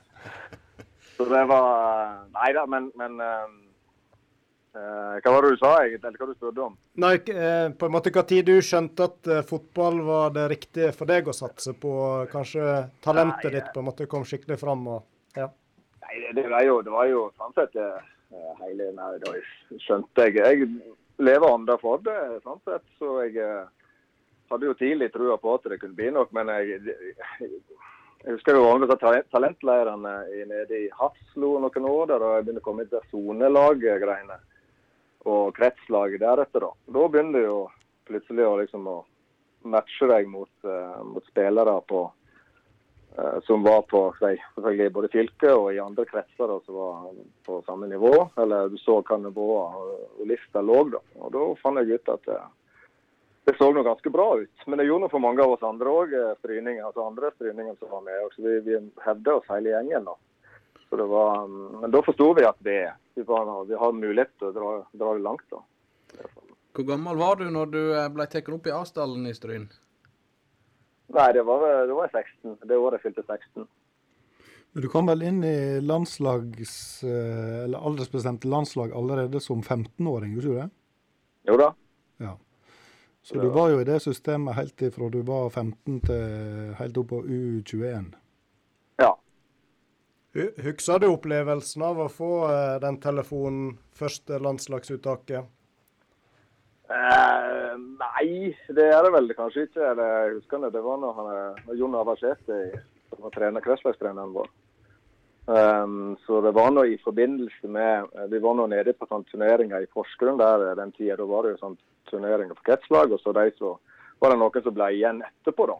Eh, de som på en måte var plukka ut til å Så jeg visste jo det at jeg eh, jeg var plukka ut til å være med videre ei uke til, eller hva det var da. Mm. Da forsto du at du var med i i det sjiktet, da, og så kom vel toppen litt seinere etterpå. Så det, Jeg husker ikke hvem som sa det, men, men det var jo Så hadde jeg fått litt føringer på at jeg var sterkt aktuell. da. Fikk sikkert brev på den tiden. Da, Aron. Det gjorde vi. Det ja, Telegram. Det var fantastisk. Og det har eh, han eminente kretslagsdrevne Jon Navarsete. Han er jo forresten en eh, god journalist. og en så Han har iallfall arkiv. og har, eh, Han han la akkurat ut et sånt der eh, eksempel på brev på den tida der, så han har funnet sitt arkiv eh, fra, fra 1990. Så det, det var, Da gikk det i brevsform. Men eh, du var jo ikke så veldig lenge på A-laget Stryn før veien gikk videre. Nei. eh, jeg reiste videre i eh, si, høsten 93. Da var jeg 18.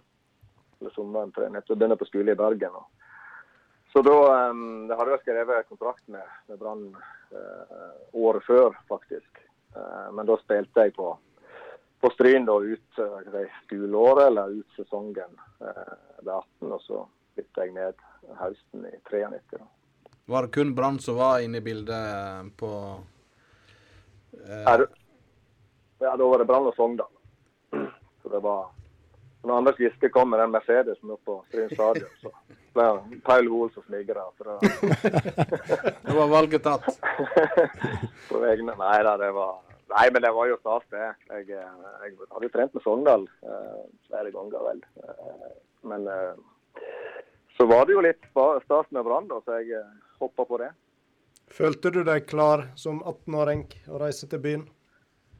Eh, både ja og nei. Jeg tror det er den alderen. Det er det som er så herlig med den der alderen. her, At du, eh, du har noe, du har noe trua eh, uansett hva typen er. tror jeg. Altså når du, du har spilt på deg selvtillit, og du, du går nå på banen for å, å flytte de som står i veien, eh, og komme deg gjennom. Så det er liksom den holdninga der eh, Jeg kan ikke huske at jeg var frykta det, men, eh, men eh, i det hele tatt. Men det er klart du var jo vanvittig spent og, og lurte på hva egentlig Ja, du kommer fra tredjedivisjon inn i tippeligaen, så Men det gikk jo, det gikk jo bra, da. Men hvordan var overgangen sånn sportslig sett? da? Følte du at du tok nivået sånn ganske greit fra dag én? Nei, fra dag én var helt sikkert ikke det. Jeg husker jeg kava litt den første høsten jeg kom ned der. og da eh, skal noen sykdommer. Okay. Så det gikk nå litt sånn opp og ned, selvfølgelig. Men, men ganske fort, det som var forskjellen, eller det som var bra på den tida når jeg kom ned, var jo at uh, Halvard Thoresen var trener. Han var en trenertype som satsa veldig markant på oss unge. da. Så jeg mm, var jo egentlig i lag med Klaus Lundekvam kjenner jo de fleste, og Roger Helland, Gunnar Nordbø og meg. Vi var fire stykker som var ganske sånn um, tidlig med, da, så han spilte hele veien av oss unge. da. Det, um, så det var liksom veldig bevisst fra hans side, og litt flaks selvfølgelig. Jeg var litt skada og sånne ting, så jeg spilte jo en del uh, mer kanskje enn nødvendig. Men ja, når du viste deg fram litt, så, så ville det, fikk du jo til litt igjen, da. Hvem var det som var de store profilene på Brann eh, når du kom ned dit? Nei, det var jo Per Ove Ludvigsen var jo den største sånn sett, eh, profilen. Og så kom jo Mr. Pint, eh, Frank Strandli, eh, litt ut på, ut vinteren der. Og han var jo eh, allerede da, selv om han eh, tenker på det, han var 22 år når han kom. Han var ikke det engang, 21 år. Da hadde jeg sikkert hørt om han siden jeg var 12, følte jeg. Så han, eh, så han er jo bare ja, Men han var jo en storstjerne. Han kom jo fra Leeds. Eh, og så, ja, så det var Ludvigsen-karene og ja, Magnus Johansson. Og, så det var noe Det var mye bra, godt folk der. Halvard Thoresen han var vel en av de første som eh, hadde dress på sidelinja i Norge, var ikke han det? Stemmer det. Han kasta den dressen etter altså i 94 da jeg kom. Da hadde han ikke dress. Men året før da hadde den dressen blitt brukt litt for mye, så da hadde han fått uh, påpakning. Eller det var iallfall uh, klart og tydelig at den skulle ikke brukes et år til. Eh, I Brann var du noen sesonger, og så eh, gikk turen nordover igjen. Et Ja. lite, stykke. Jeg reiste Sogndal, ja. I 96. Så det mm, Da var det jo litt den klassiske der òg, at uh, utålmodige. Uh, da Siste året jeg var i Brann, da var det jo da var jo Mons Ivar Mjelde kommet. Tor André var kommet, ja. Og um, Kjetil Løvik, en som også spilte og skåret en hel haug med mål. Det var ganske mange oppe der. Uh, og jeg ville jo spille, så jeg spilte ikke, spilte ikke nok da. Og da ville jeg, fikk jeg muligheten i Sogndal, da. Så da, ville jeg opp dit. Begynner også på skole der oppe, så det passer litt greit. Så da bykste jeg opp dit. Så det um, Da var det bare å hoppe på neste utfordring. Men kan jo gi et sånn lite bilde på hvordan eh, det var for deg, Eivind, å være, eh, la oss kalle det ei ung stjerne i Brann? For jeg husker vi var og besøkte deg en gang, og så eh, sto og venta på deg utenfor stadion der. Og så når vi da, du kom ut og vi gikk bort til bilen din og skulle hjem igjen til deg, så lå det jo altså kjærlighetsbrev og bamser og alt mulig rart oppå frontruta di. Og det er klart at da, da ble jo en litt misunnelig da, på, på dette her, denne stjernetilværelsen du hadde i Brann. Ja, det, det, var jo det, det kanskje, var kanskje, ikke det største for deg, akkurat det.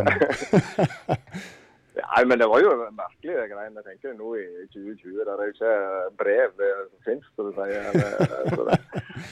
så det var jo litt det var jo litt spesielle tid, og så var du litt ung. at jeg men det, det som du sier, det var jo hel haug med, med, brev og bamser og styr og vesen. Så det var jo litt sånn Det var jo nytt på si det sånn da du kom fra Stryn. Begynner med de greiene der. Så det var jo, så er vel, er vel Brann òg en sånn type klubb der det blir eh, mye oppmerksomhet? Da. Ja da, det er det. Så det er ikke tvil om at det, det er jo en klubb som er vanvittig kjekt å være i. Så det skjer jo alltid noe der. Så det skjedde jo vanvittig. Det var mye spetakkel de tre åra jeg var der, men utrolig mye moro òg. Du var vel òg eh, toppskårer ene året der, var ikke du det? Jo, det var jo det. Mm. Jeg tenkte ikke å snakke så mye om antallet, for vi har ikke så vanvittige. Men, men det var jo, jeg var jo toppskårer i det året vi var i cupfinalen. Var det to sifre? Totalt var det det, ja. Med cup og serie. Ja. Men det, ble, var, ja, det er nå bare et lite bilde på at du var jo ei sentral brikke på Brann i, i, en periode der, da, før, eh, før Tenfjord kom. ja, Nei, jeg spilte vel, jeg spilte vel i siste delen eller første halve sesongen med Tensfjord. Da spilte jeg, men, men eh, jeg vil si alt. Han var, han var god trener, men Thoresen var jo en mer trener for oss yngre. Når, når Kjell kom inn, så var det kjøpte han inn mer etablerte spillere. og, og løfta jo for all del laget òg, så det ble jo bedre resultat etter hvert òg. Men, men, de yngste gikk nå litt på bekostning av det, da. Mm. Og så fikk vel du selskap av to andre stryninger etter hvert òg. Asbjørn Tenden først, og så kom Tor André Flo òg. Spilte ikke lag med han så vidt? Jo da, stemmer det. Så Asbjørn kom først. Han kom i 95. Så da, så da han, kom han ned. Eh, så det var jo glimrende. Og så i 96 var det faktisk tre stryninger. Eh, så det var jo veldig spesielt. Eh, det var det.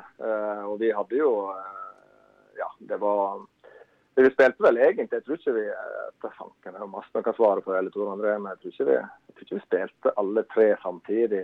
Sikkert noen treningskamper, men ikke iallfall i serie og cup, så jeg kan huske. i. Så det, jeg, jeg, reiste jo til, eller reiste vel i august sikkert, og Asten var vel litt lenger, og Tor André reiste vel året etterpå. Men eh, nei, det var kjekt det, altså. Det var litt spesielt.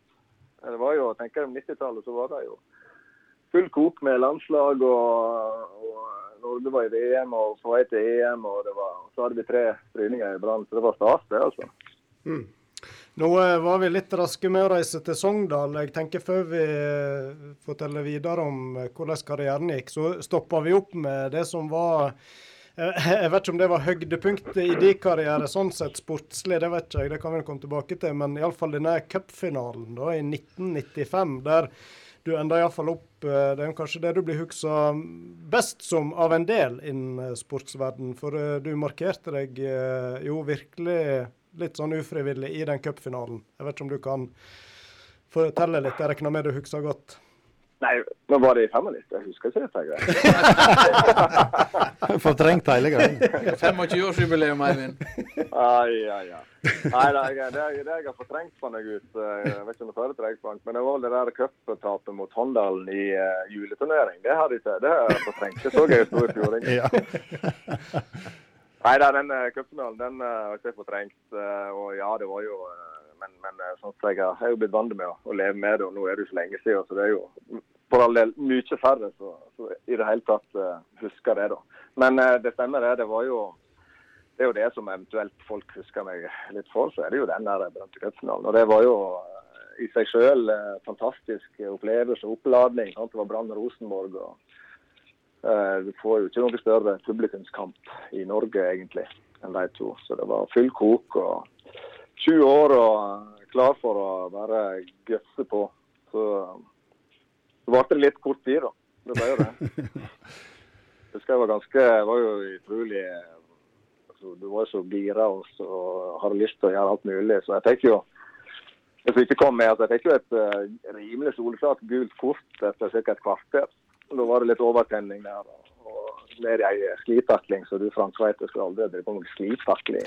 Så det, så det var en sånn sklitaklingsstempling, så den fikk jeg gule. Så det var jo en del av, av bildet bak, da. At jeg hadde det fra før. Og det var tidlig i kampen, sa du? Ja, sikkert et kvarter eller noe sånt. Så det kan ikke være så ja, ja. Mellom, mellom eh, 0 og, 0 og 30 minutter iallfall, eller 29 eller hva det var. Jeg fikk vel akkurat et poeng på børsen, tror jeg. Så det, så ja. Ja, for dette røde kortet da kom før pause? ja da. Det kom etter ca. en halvtime. 32 minutter.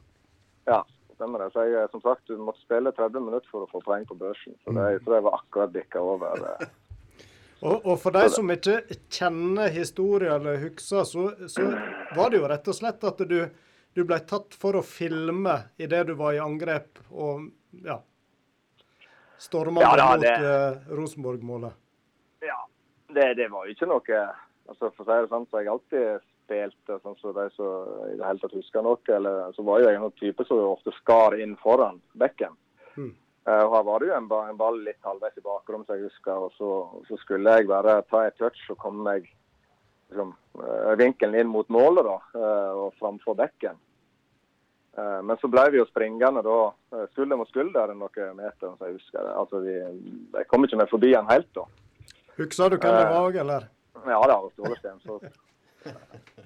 Og så eh, etter litt eh, knuffing der, da, så, uh, så mista jeg balansen litt. For jeg ville liksom skjære inn foran og komme meg forbi, og, men det gikk jo ikke. Og så mista jeg litt balansen, og så datt jeg jo. Og takka var rødt kort. Og hva tenkte du da, når han drog opp det? Nei, jeg vet ikke. Jeg, jeg, jeg, tenkte Jeg forsto ikke helt. eh, Jeg husker hva jeg, Mener du det, eller et eller annet? jeg. eh, for jeg visste jo det Det var jo som sagt det andre gule, da.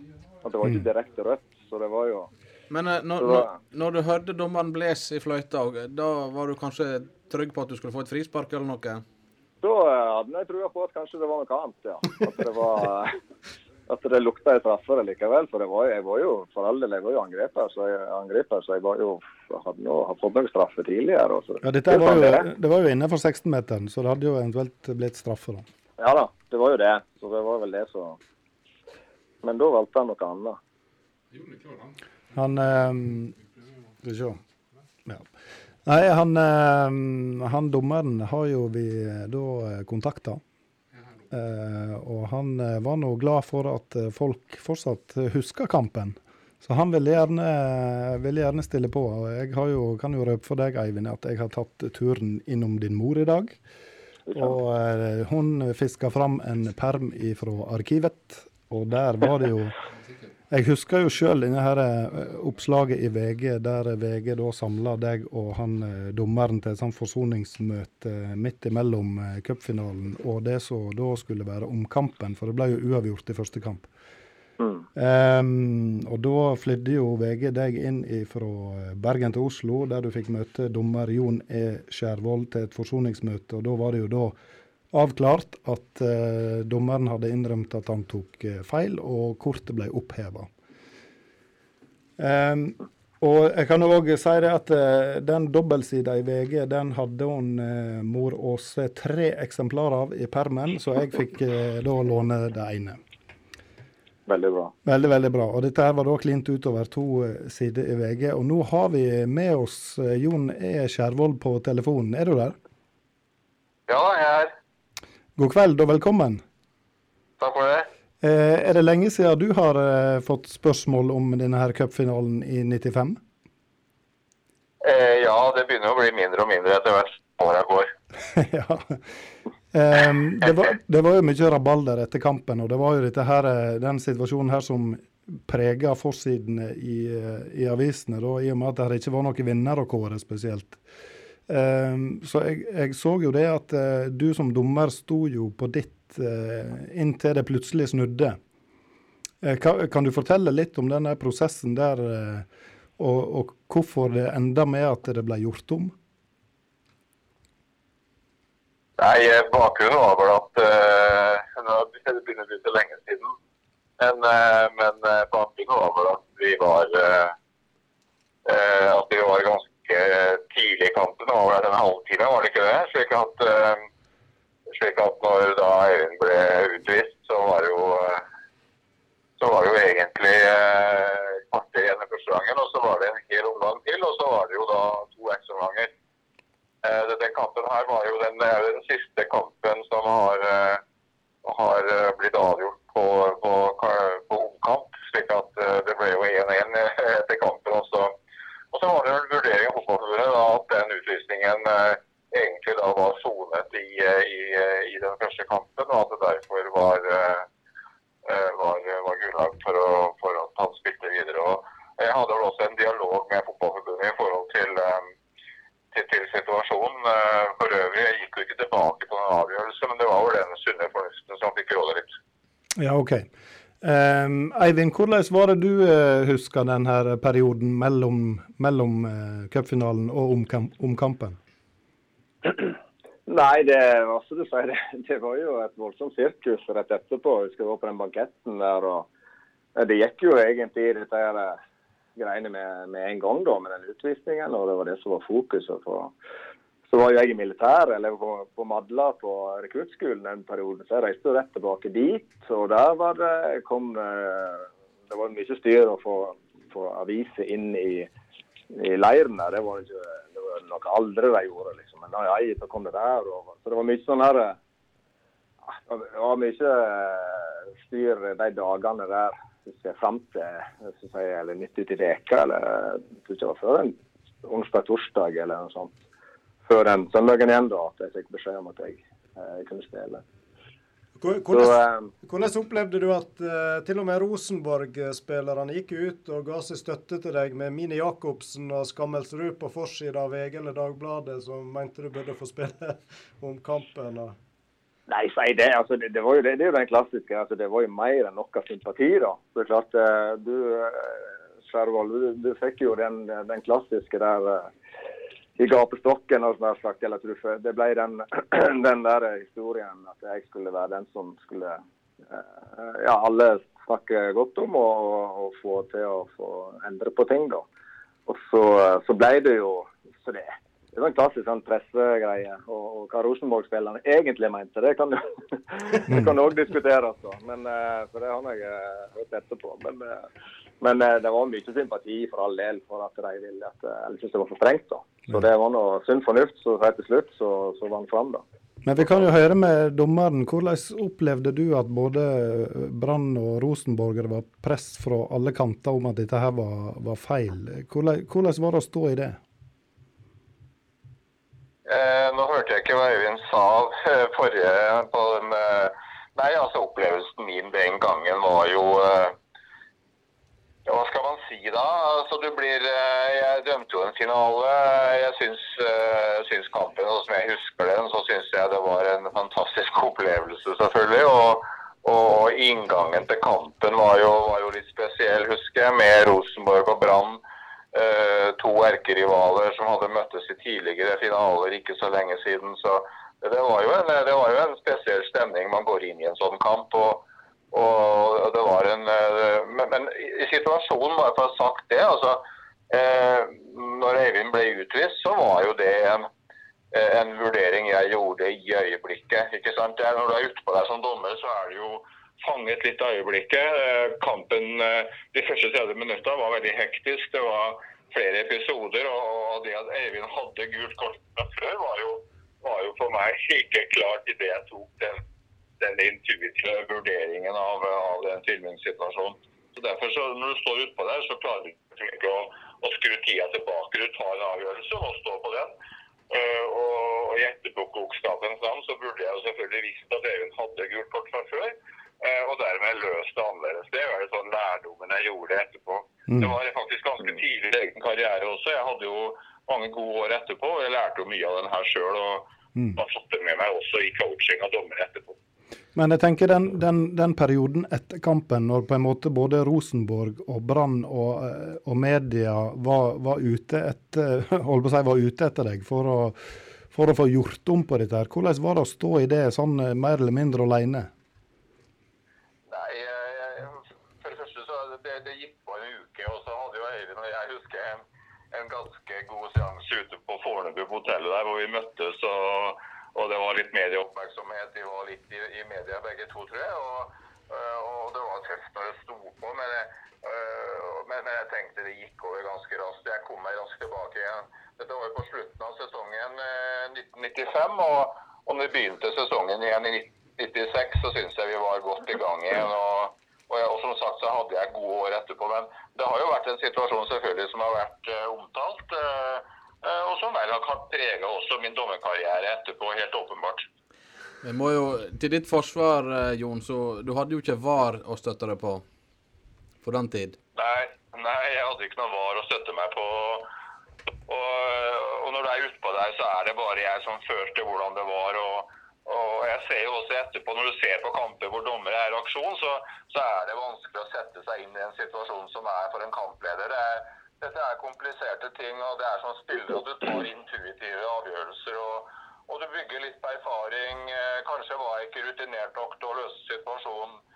Eh, Men personlig så lærte jeg veldig mye av det, og jeg syns også det at, eh, at den støtten jeg fikk fra Fotballforbundet, særlig og kollegaer etterpå, den, den gjorde godt. Og jeg tror Fotball-Norge forsto egentlig hvilken rolle jeg hadde, og etterpå så har vi egentlig hatt, hatt det ganske greit, tror alle sammen. Eh, bare et spørsmål til slutt, eh, Jon. Har du, har du og Eivind snakket om denne situasjonen her eh, holdt på å si, i ettertid noen gang? Eh, ikke i nyere tid. Vi har vel vært en par ganger i dialog på noe tilsvarende som det her, tror jeg. Men eh, nei, vi har jo egentlig ikke det. Jeg har personlig ikke sett den situasjonen sjøl på video etterpå. Jeg har liksom ikke eh, gidda å gjort det. Jeg har liggende på, på en sånn VHS-kassett. Det er ikke mulig å spille av lenger heller. Men eh, er 25 år tilbake i tid, og som jeg sa, så, så hadde jeg mange gode år etterpå som fotballdommer, både internasjonalt og nasjonalt, og, og lever også i fotballen i dag. og og coacher og veileder både her hjemme i Eliteserien og internasjonalt. Så, men, men dette er en del av, av gamet, tenker jeg. Når du, når du setter deg ut, for, ut på matta med 30 000 tilskuere, så, så må du regne med at du, at du opplever slike ting. Og, og, så, så Eivind jeg har ikke vi har hatt noen bad feelings i hele tatt. Dette, jeg tror vi forstår hverandre såpass godt det gjelder rollene vi har som spillere og dommere.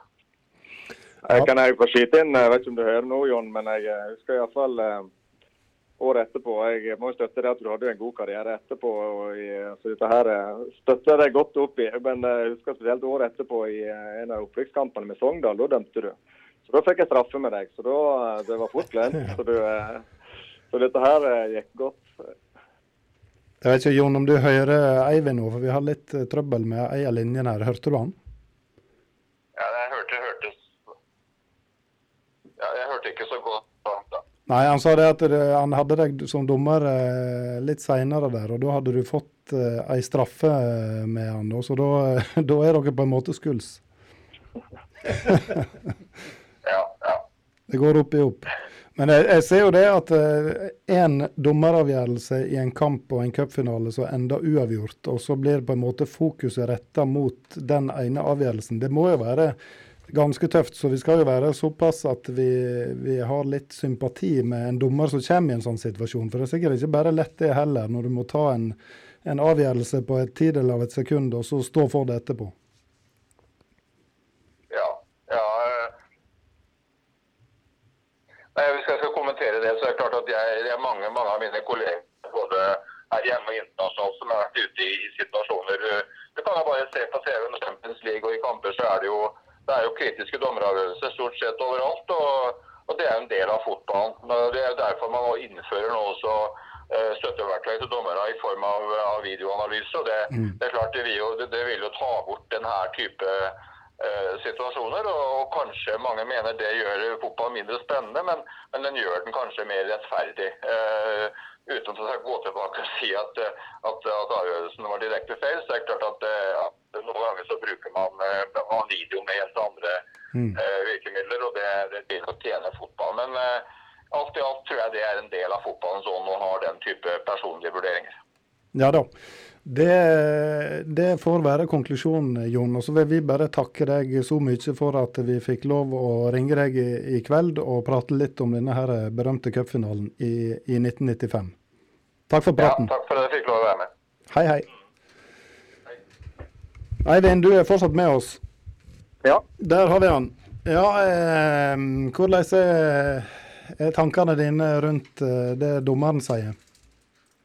Nei da, det er så uh, fornuftig og bra. Og det, det, det jo, jeg har jo ikke noe, noe uh, forhold til det lenger i det hele tatt. Men, men han, som han sier sjøl, han, han var jo en bra dommer. Han var jo det eh, etter, etterpå. Han hadde noen um, bra Etter, år. etter hvert. han, han lærte meg etter hvert. Men, eh, eh, men jeg husker iallfall det året etter. for Jeg hadde iallfall denne opprykkskampen mot Odd med Sogndal. Vi rykte opp det over sånn to kamper. Men da ene der, så da fikk jeg straffe med han. og Mm. så, vi og, og så hadde jeg nok han seinere òg. Så det men, men det er sånn han sier, det, det var jo litt annen tid, og du blir jo prega av uh, kampens hete og det som skjer der og da. Må ta avgjørelser, og husker ikke at jeg hadde gult. Så det var jo, Mm. det var jo noe han eh, mener jeg husker han ikke sa eh, da etterpå kampen. og han, Da var han litt for Det var sikkert det han bomma litt med i forhold til det Mm.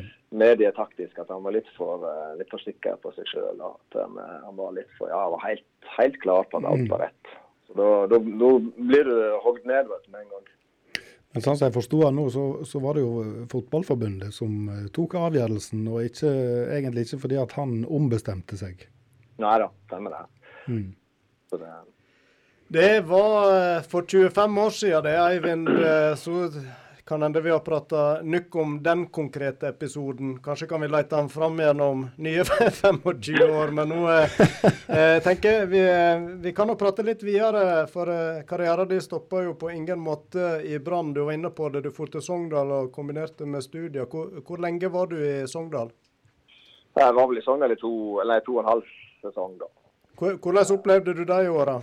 Nei, det var, det var veldig kjekt i, i begynnelsen. Vi rykte nå opp med en gang. Uh, som sagt, den der kampen der med Skjervold dømte. eh, så det var jo, så fikk vi Tippeligaen i 97-98. Så det, eh, det var, begynte veldig bra. og så, så kom jeg inn i litt sånn konsekvensen av eh, å være litt mindre klubb. og um, Så da begynte jeg å få få skade, da. Eh, begge de eh, 97-98, begge de årene der, så var jeg for mye skada. Og du spilte litt på halv åtte. eh, Ja, ja, du sier konsekvensen av mindre klubb. Betyr det at det er en litt mindre stall, og du må spille mer enn hva du kanskje strengt tatt Ja, burde, eller? litt, litt den der eh, greien der, så det var ofte eh, Altså når, du kjøpte inn eller henta for at du skal spille, så, så ble det slik. Og når du gikk sånn halvskade, og, eh, og det går jo når du er ung, så går det noen går det en, en stund, da. Men hvis du spiller kamp på søndag, og så etter Brexidol til torsdag, og så,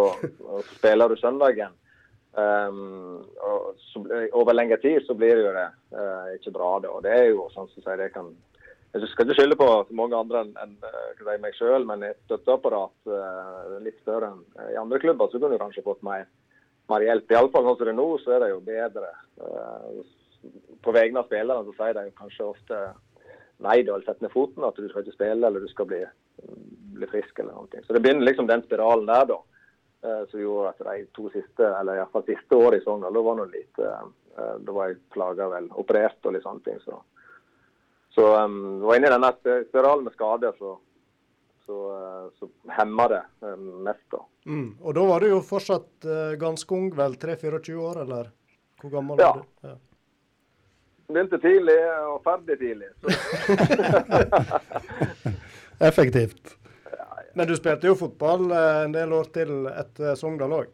Ja da, jeg gjorde det for, for all del. Men jeg, eh, som sagt, jeg, eh, jeg dro til Bryne i 99 da, og, der, og rykte opp der første året. Fra Obos-liga eller Adecco eller hva det heter for noe da.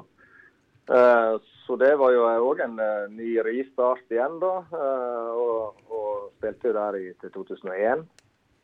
Eh, så det Og så var jeg da på siste året i ett år i Åsane, og så var jeg to år i Mandal. Nei, tre år i Mandal. Eh, MK. De hadde jo litt eh, Så det var sånn Det var jo en, en veldig kjekk tid i fotball, men, men pila gikk jo nedover i takt med at ja, Kombinasjoner av mange ting. Men, men det, jo, det koker ned at du, du var ikke dyktig nok i rette situasjonene eller rette tida. Og så var det jo, kan du skylde på mange ting, men, men eh, er iallfall ikke noe jeg satt og angrer på. Så jeg har mye, mye gode opplevelser i alle de klubbene jeg har vært i. Hva, hva nivå var Mandalskameratene på når du spilte der? Det var Dekko-liga, altså nivå to, da. Så du holdt deg, jo, holdt deg jo i øverste sjikte, to øverste sjikter da, stort sett. Ja. Var det på noe som helst tidspunkt, Eivind, snakk om noe utenlandseventyr? Ja, det var jo det. eh, Men ikke noen konkrete ting. Så det var ikke noe prøvespill. Det var jo for si sånn eh, Det er litt sånn som jeg tenker det perspektivet med hvor, hvor små marginer det er. Litt ifra da når du reiser for Stryn og får muligheten. Eh, andre plasser, det kunne like godt vært ja, Per Ole og Jon Terje, alle, altså, det var jo utrolig mye bra spillere på den tida der. Um, eh, men så fikk jeg eh, var litt heldig og flaks på rett tidspunkt eh, og kom meg ut. Så, eller kom meg videre iallfall. Så, så liksom det steget videre ut eh, til proff. da. Nå var jo På 90-tallet var det jo Gud og Kvarmann var jo borte i England og spilte.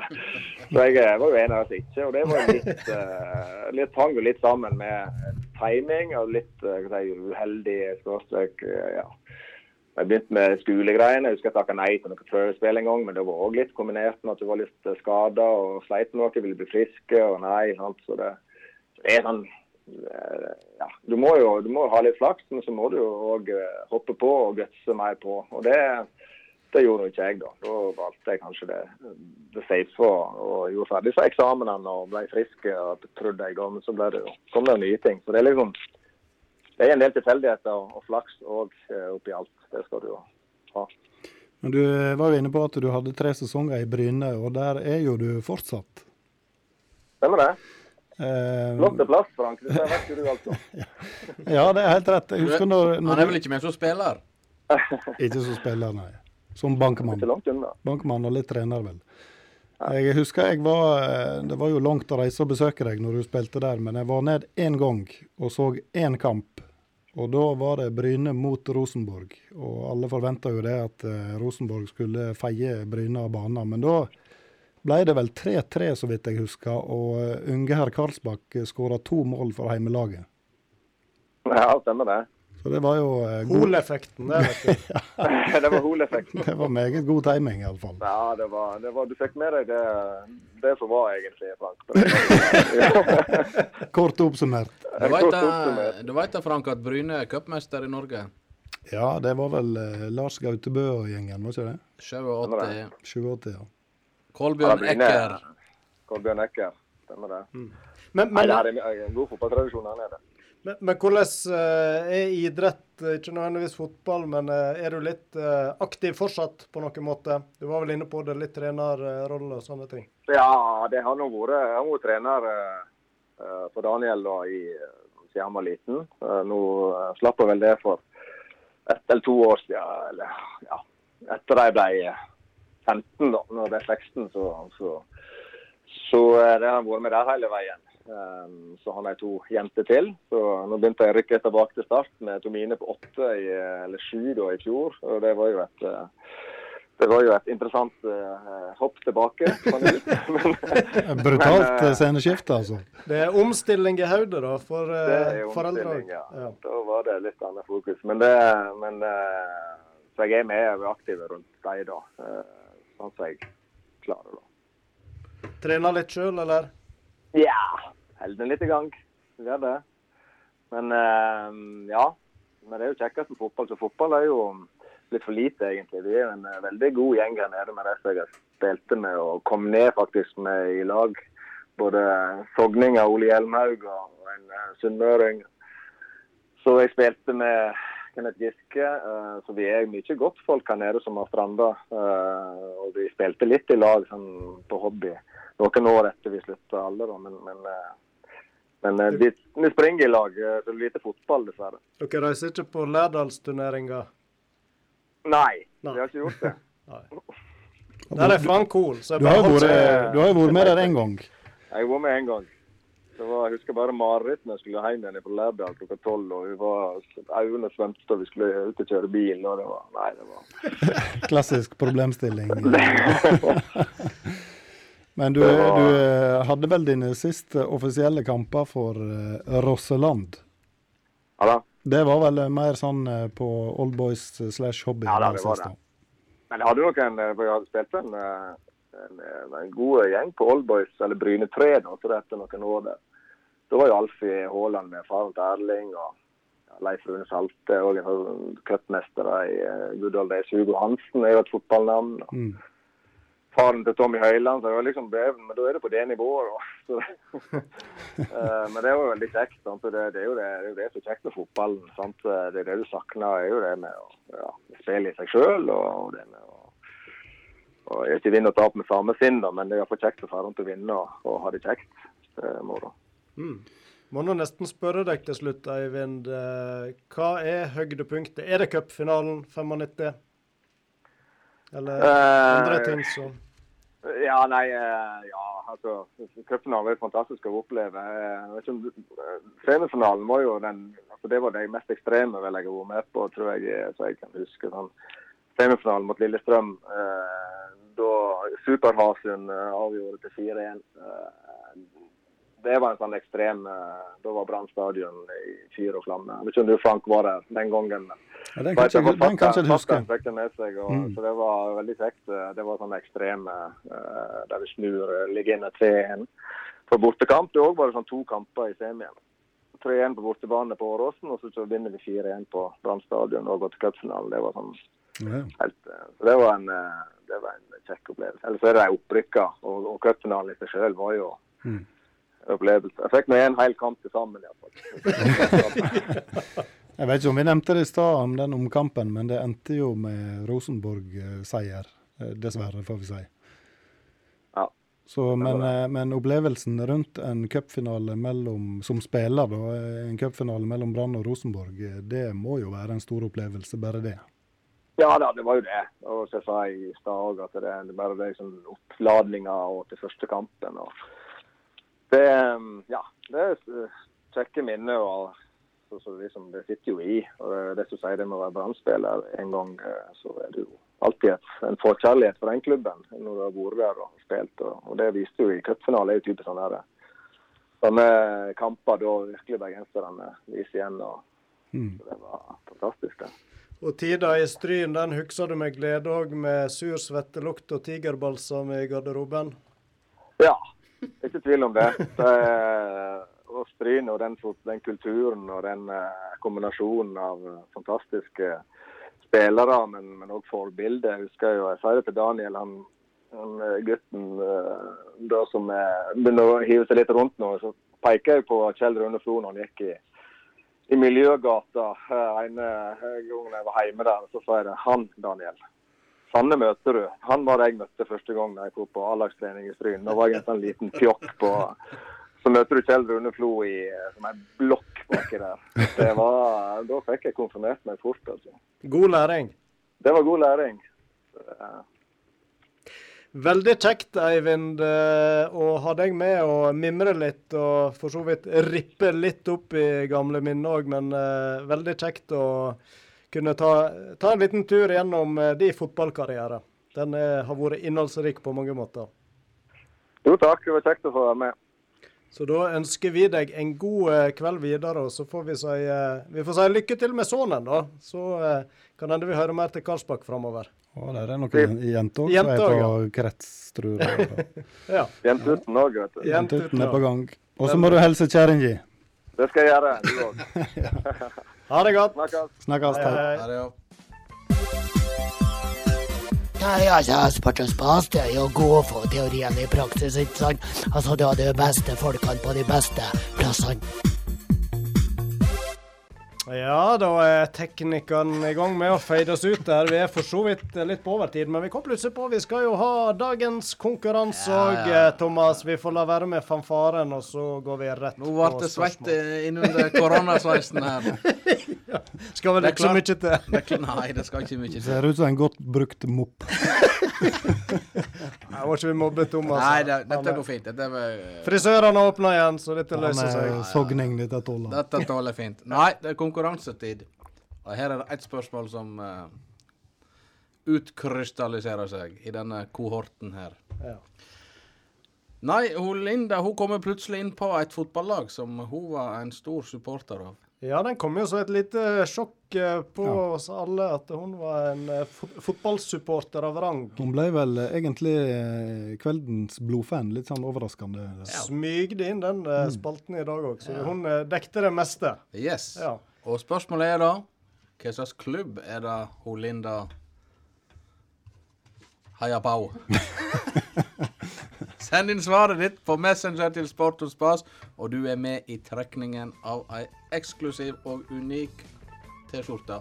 Og, Og- alle som sender Ja. inn svar, er med i trekningen av ei superduper kolonialkorg fra Bumpris og Ai, ai, ai.